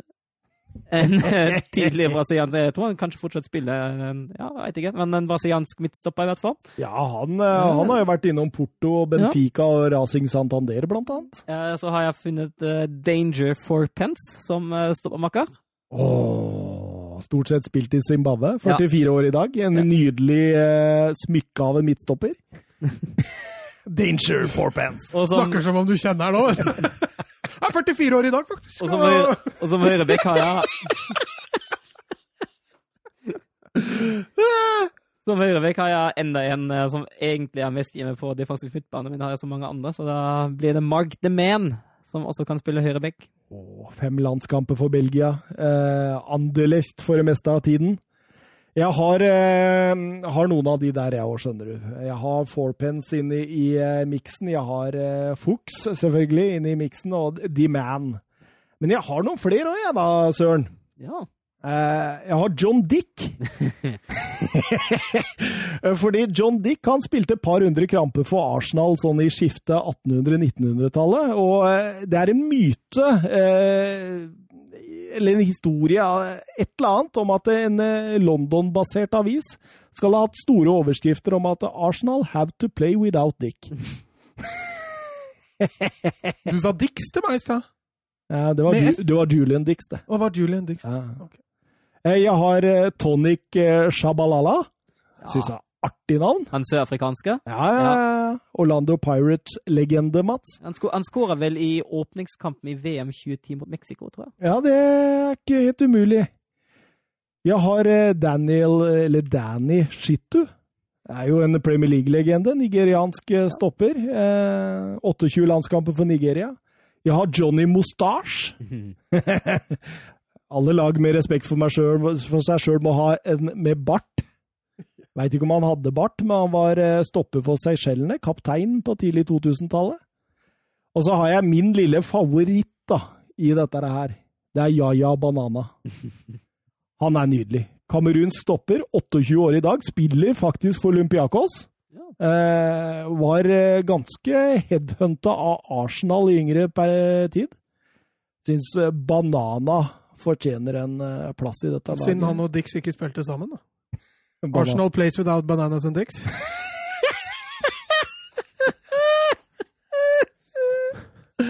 Jeg har Valdo Porns, eh, Søren. Ja, tidligere Wolfsburg-legenden. Ja, eh, litt morsomt, fordi det betyr hallik ja. på Han satt bare på benken, han. Han satt bare på benken. Ja, nesten. Og Steve Cook, da. Vi må jo ha med Steve Cook. Ja. Vi må det. Eh, skal vi sette opp en firer bak der, da? Hva tenker dere, gutta? Altså, Fax må jo med. Eh, Argel Fax, han må med. Eh, jeg syns også at eh, Yaya Banana Ja. må med. ja. Enig der, altså. Fucks og banana, da Men, men skal vi gå for John Dick og Steve Cook? Ja, vi kan det. Dick Cook banana. Og Assman i mål? Og fuck. Mye, Men da, da, mye da blei det ikke Danger Fourpence, da. Men det, Eller The Man. Eller The Mark the Man. Men eh, Johnny Mustache er jo fin. Det går an å ha benk òg, vet du. Det går an å ha en benk, ja, men vi, vi, vi plukker ut disse foreløpig. Og så går vi videre på midtbanen, Søren. Ja, min uh, venstreving, det er Jason Wilcox. Ja, Hei, hei, hei. Nå må ikke du begynne med spillere i Blackburn som vant seriegull. Altså. Og høyrekanten er Stuart Ripley. Nei, på høyrekanten, på, på høyrekanten har jeg Og Lars Bohinen. På høyrekanten har jeg faktisk Denny Invincible. Å, han har jeg inne her òg. Ja. Eh, og mine sentrale er Heatherlook Dupe, som faktisk het Heatherlook. Ja, stemmer det. Zimbabwe. ja, nå. og så ved siden av Thomas Oral. Å, Thomas Oral. Nice. Har du noen, eller, Mats? Eller? Ja, altså, jeg kan legge til Steven Sunny Sunday. Eh, vakkert, vakkert. relativt fiffig. Eller så har jeg også Creedence eh, Clearwater uh, Koto. Ja. Eh, ingen tvil om hva foreldra synes var ålreit eh, når de Når de tredde iPoden på øret. Så gikk det nok mye Creedence. Ja. Eh, det er vel egentlig de jeg har å legge til. Jeg er Nikki Butt, da. Jeg synes jo det, altså det er for vanlig, egentlig, men eh, Mm. å hete Nikki Rumpe er jo strålende. Jeg har eh, Sergar eh, Bastard. ja. Spilte for Upton Park fra 1873 til 1887. Har Barn. også en engelsk landskamp. Barnum Bastard? Var det, er det derfra det kommer, eller? Ja, Segar Richard Bastard. Jeg veit da søren, men Ja, Søren Dupker. Jeg har jo også Invincible, selvfølgelig. Jeg har eh, min favoritt på midtbanen, da. Det er Ars Bandit. Rumpebanditten, han må Han må med! Han må med. Det er en midtbanespiller fra Algerie på rundt 70-tallet. Myte eller sant, jeg veit ikke, men fantastisk navn. Danny Drinkwater, må nevne den. Ganske artig. Jeg har Phil Jong Husband. Han eh, starta i Chelsea Akademi han eh, tidlig, eh, eller midt på 2000-tallet. Eh, faktisk den spilleren all time high toppskårer og den med antall kamper for filippinske landslag. Ja, det har jeg. Mm. Har også vært innom Esbjerg på lån. Ja. jeg har? Organista. Det syns jeg var nydelig i midtbanen. ja, han bør jo spille sentralt. Ja, Organista. Organista spiller dyp, faktisk. Har Gregory Fairplay. Nei, Playfair. Litt av det samme. En eh, nederlender med surinamske aner. Litt som eh, Gullit, og er ikke de derfra, egentlig? Jo. Gullit og Basten og gjengen. Eh, en sesong i PSV i eh, 92-93. Nei, Gullit og ja. til. Og så har jeg en eh, akademispiller for Ajax på tidlig 2000-tallet som heter Dirk Jan Indeneng. Klarer vi å, å, å få fire ut herfra, eller gutta? Ja, jeg syns i hvert fall Organista skal spille dyp. Ja. Organista dyp. Altså har vi jo begge to Invincible, så jeg syns han får til en plass på laget. Danny Invincible. og Innocent Bonke, den, den blir litt for uskyldig. Vi kan ikke ha med han. Nei, vi kan ikke ha med han. Men jeg, jeg, har, jeg har lyst til å ha med Ars Bandit. Ja, kjør på. Ja, det er ålreit å ha en rumpebanditt løpende på midten der, altså. Men da er jo spørsmålet, da. Inden Eng, Playfair, Young Husband, Nikki Butt, Drinkwater eller Bastard? Hadde ikke du noen, da? Jeg hadde Wilcox og Oral. Oral. og Oral, ja. Thomas Oral? Var det ikke det han het, da? Ja, Thomas Oral. Det blir mye sex da på det laget her. Men det var jo det jeg sa, at det kom til å bli vulgært. Men, eh, men, men det er jo det som er gøy òg, er det ikke det? Jo, jo, jo. For all del. Eh, Mats, du kan, du kan egentlig bestemme. Ja, jeg går for Creedence Clearwater, jeg. Ja, du gjør det? Ja. Ja, ja, ja. Nei, det er storvokst brasiliansk. Eh, stort sett spilt i Brasil, men har vært i Santa Cruz. Liège for eh, store deler av livet sitt. Hey, ok. Spiser, da. Da må vi fram til to. Det var mye godt å ta. Oh, ja da. Nei, altså, jeg har bare ett bra forslag. Altså. Mm. Franklin, Daddy's Boy. Ja, fordi, men det er Norge. Ja, ja, han spiller i Rosenborg. Ja, Det er jo et helt herlig navn. Ja, Tror du det er faren som har bestemt navnet, eller er mor? Garantert. Det er far, ja. Ja, jeg tror det. Mother's Boy. Han kan faktisk hende dumper innom og hører på podkasten. I og med at han bor i Norge, mener jeg. Men ingen norske. Ok. Ja. Jeg har, jeg har to. Jeg har Tony Woodcock. Du noterte den med en gang. ja. Og så har jeg Bongo Christ, eller Christ. Han har jeg òg. Ja, han spilte i, Christ. eh, i Tyskland. Uh, Ja, sånn der ja. I Hannover og Wilhelmshaven. Ja, ja. La opp i 08, 32 år gammel. Er ikke grafite også er litt morsomt navn, da? Ja, det, det er jo, Graphite? eh, Ja, Graphite. Blyant, ja. Eh, men eh, gutta, hva med Two Boys eh, Gumede? eh, han er faktisk eh, Han spiller faktisk i dag. Eh, Han spilt for Minnesota Stars, til og med. Eh, vi har jo spissen eh, Jean Jacques Misse Misse. Det er litt ironi også i den uh, spissen der, altså. Ja, litt ironi. Eh, vi har også en Ove Fox eh, der. En, eh, han, han nådde bare én landskamp for U21 Vest-Tyskland. Klubbnomade. Ove Fox, ja. ja. Ja, klubbnomade for Köln og Kaiserslautern og vært Ja. en tur i Milvold og hele pakka. Daniel Killer. Miss Miss og Killer på topp hadde vært eh, 22 landskamper for Argentina. Var med i troppen eh, som vant VM i 78. Danny Diver. Ja, eller Gareth Bale, da, som han heter nå. Eh, Danny Diver, han skotske angriper på 90-tallet, var også innom Kolding i Danmark i 1984. Ja. Eh, vi har Roberto Dynamite. Eh, fem eh, kamper og tre mål for Brasil i VM 78. Men du, nå begynner det å bli veldig mange gode alternativer. Mange Ja. til har du? Jeg har to til etter dette.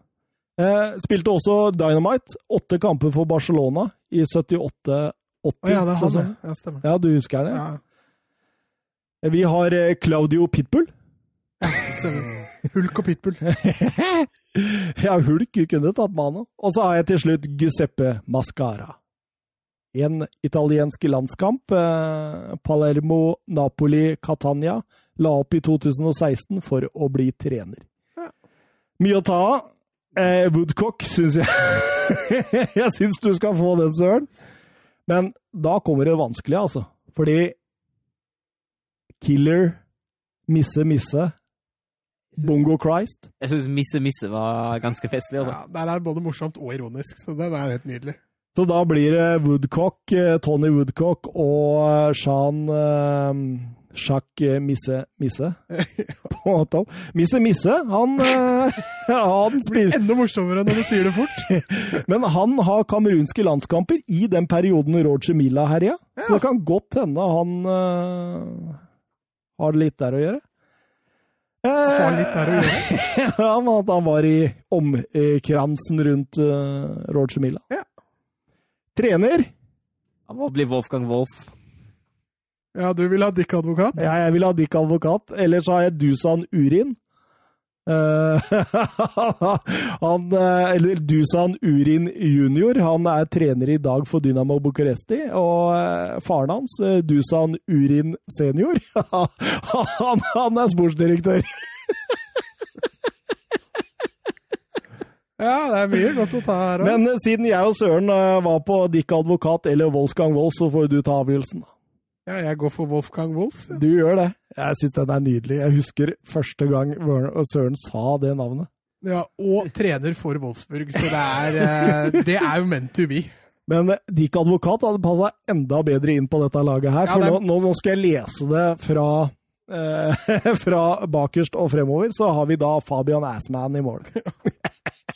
Det, det er litt kjipt å ha han i mål, da, så har du, har du Asshunter lenger.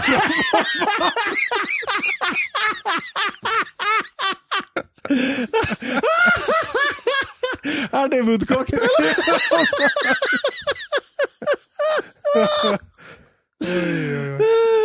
Men da har vi en forsvarsfire bestående av Argel Fux, John Dick, Steve Cook og Yaya Banana.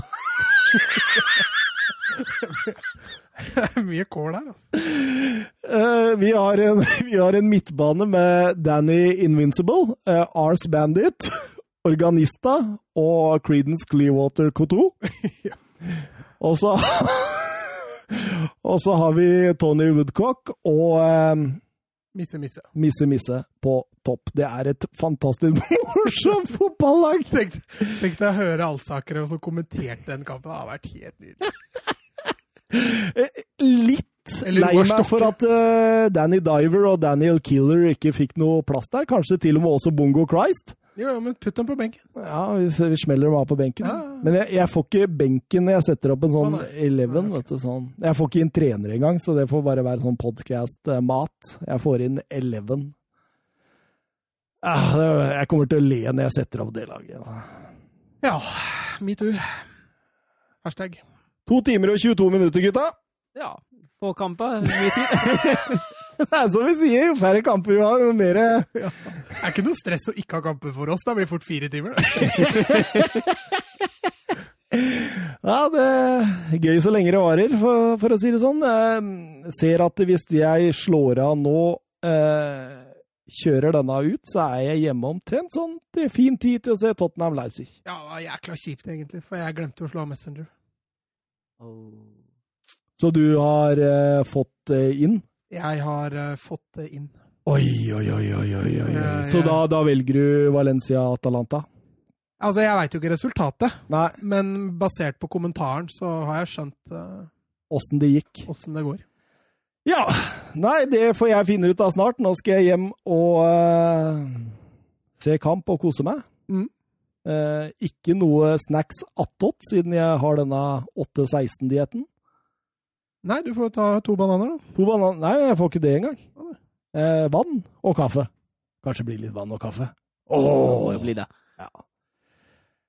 Skal vi si at vi ses neste Det blir onsdag eller torsdag, da, fordi da jobber jeg kvelden tirsdag. All right. Det er den uka. Ja. Greit, du. Ha det. Ha det, Woodcock.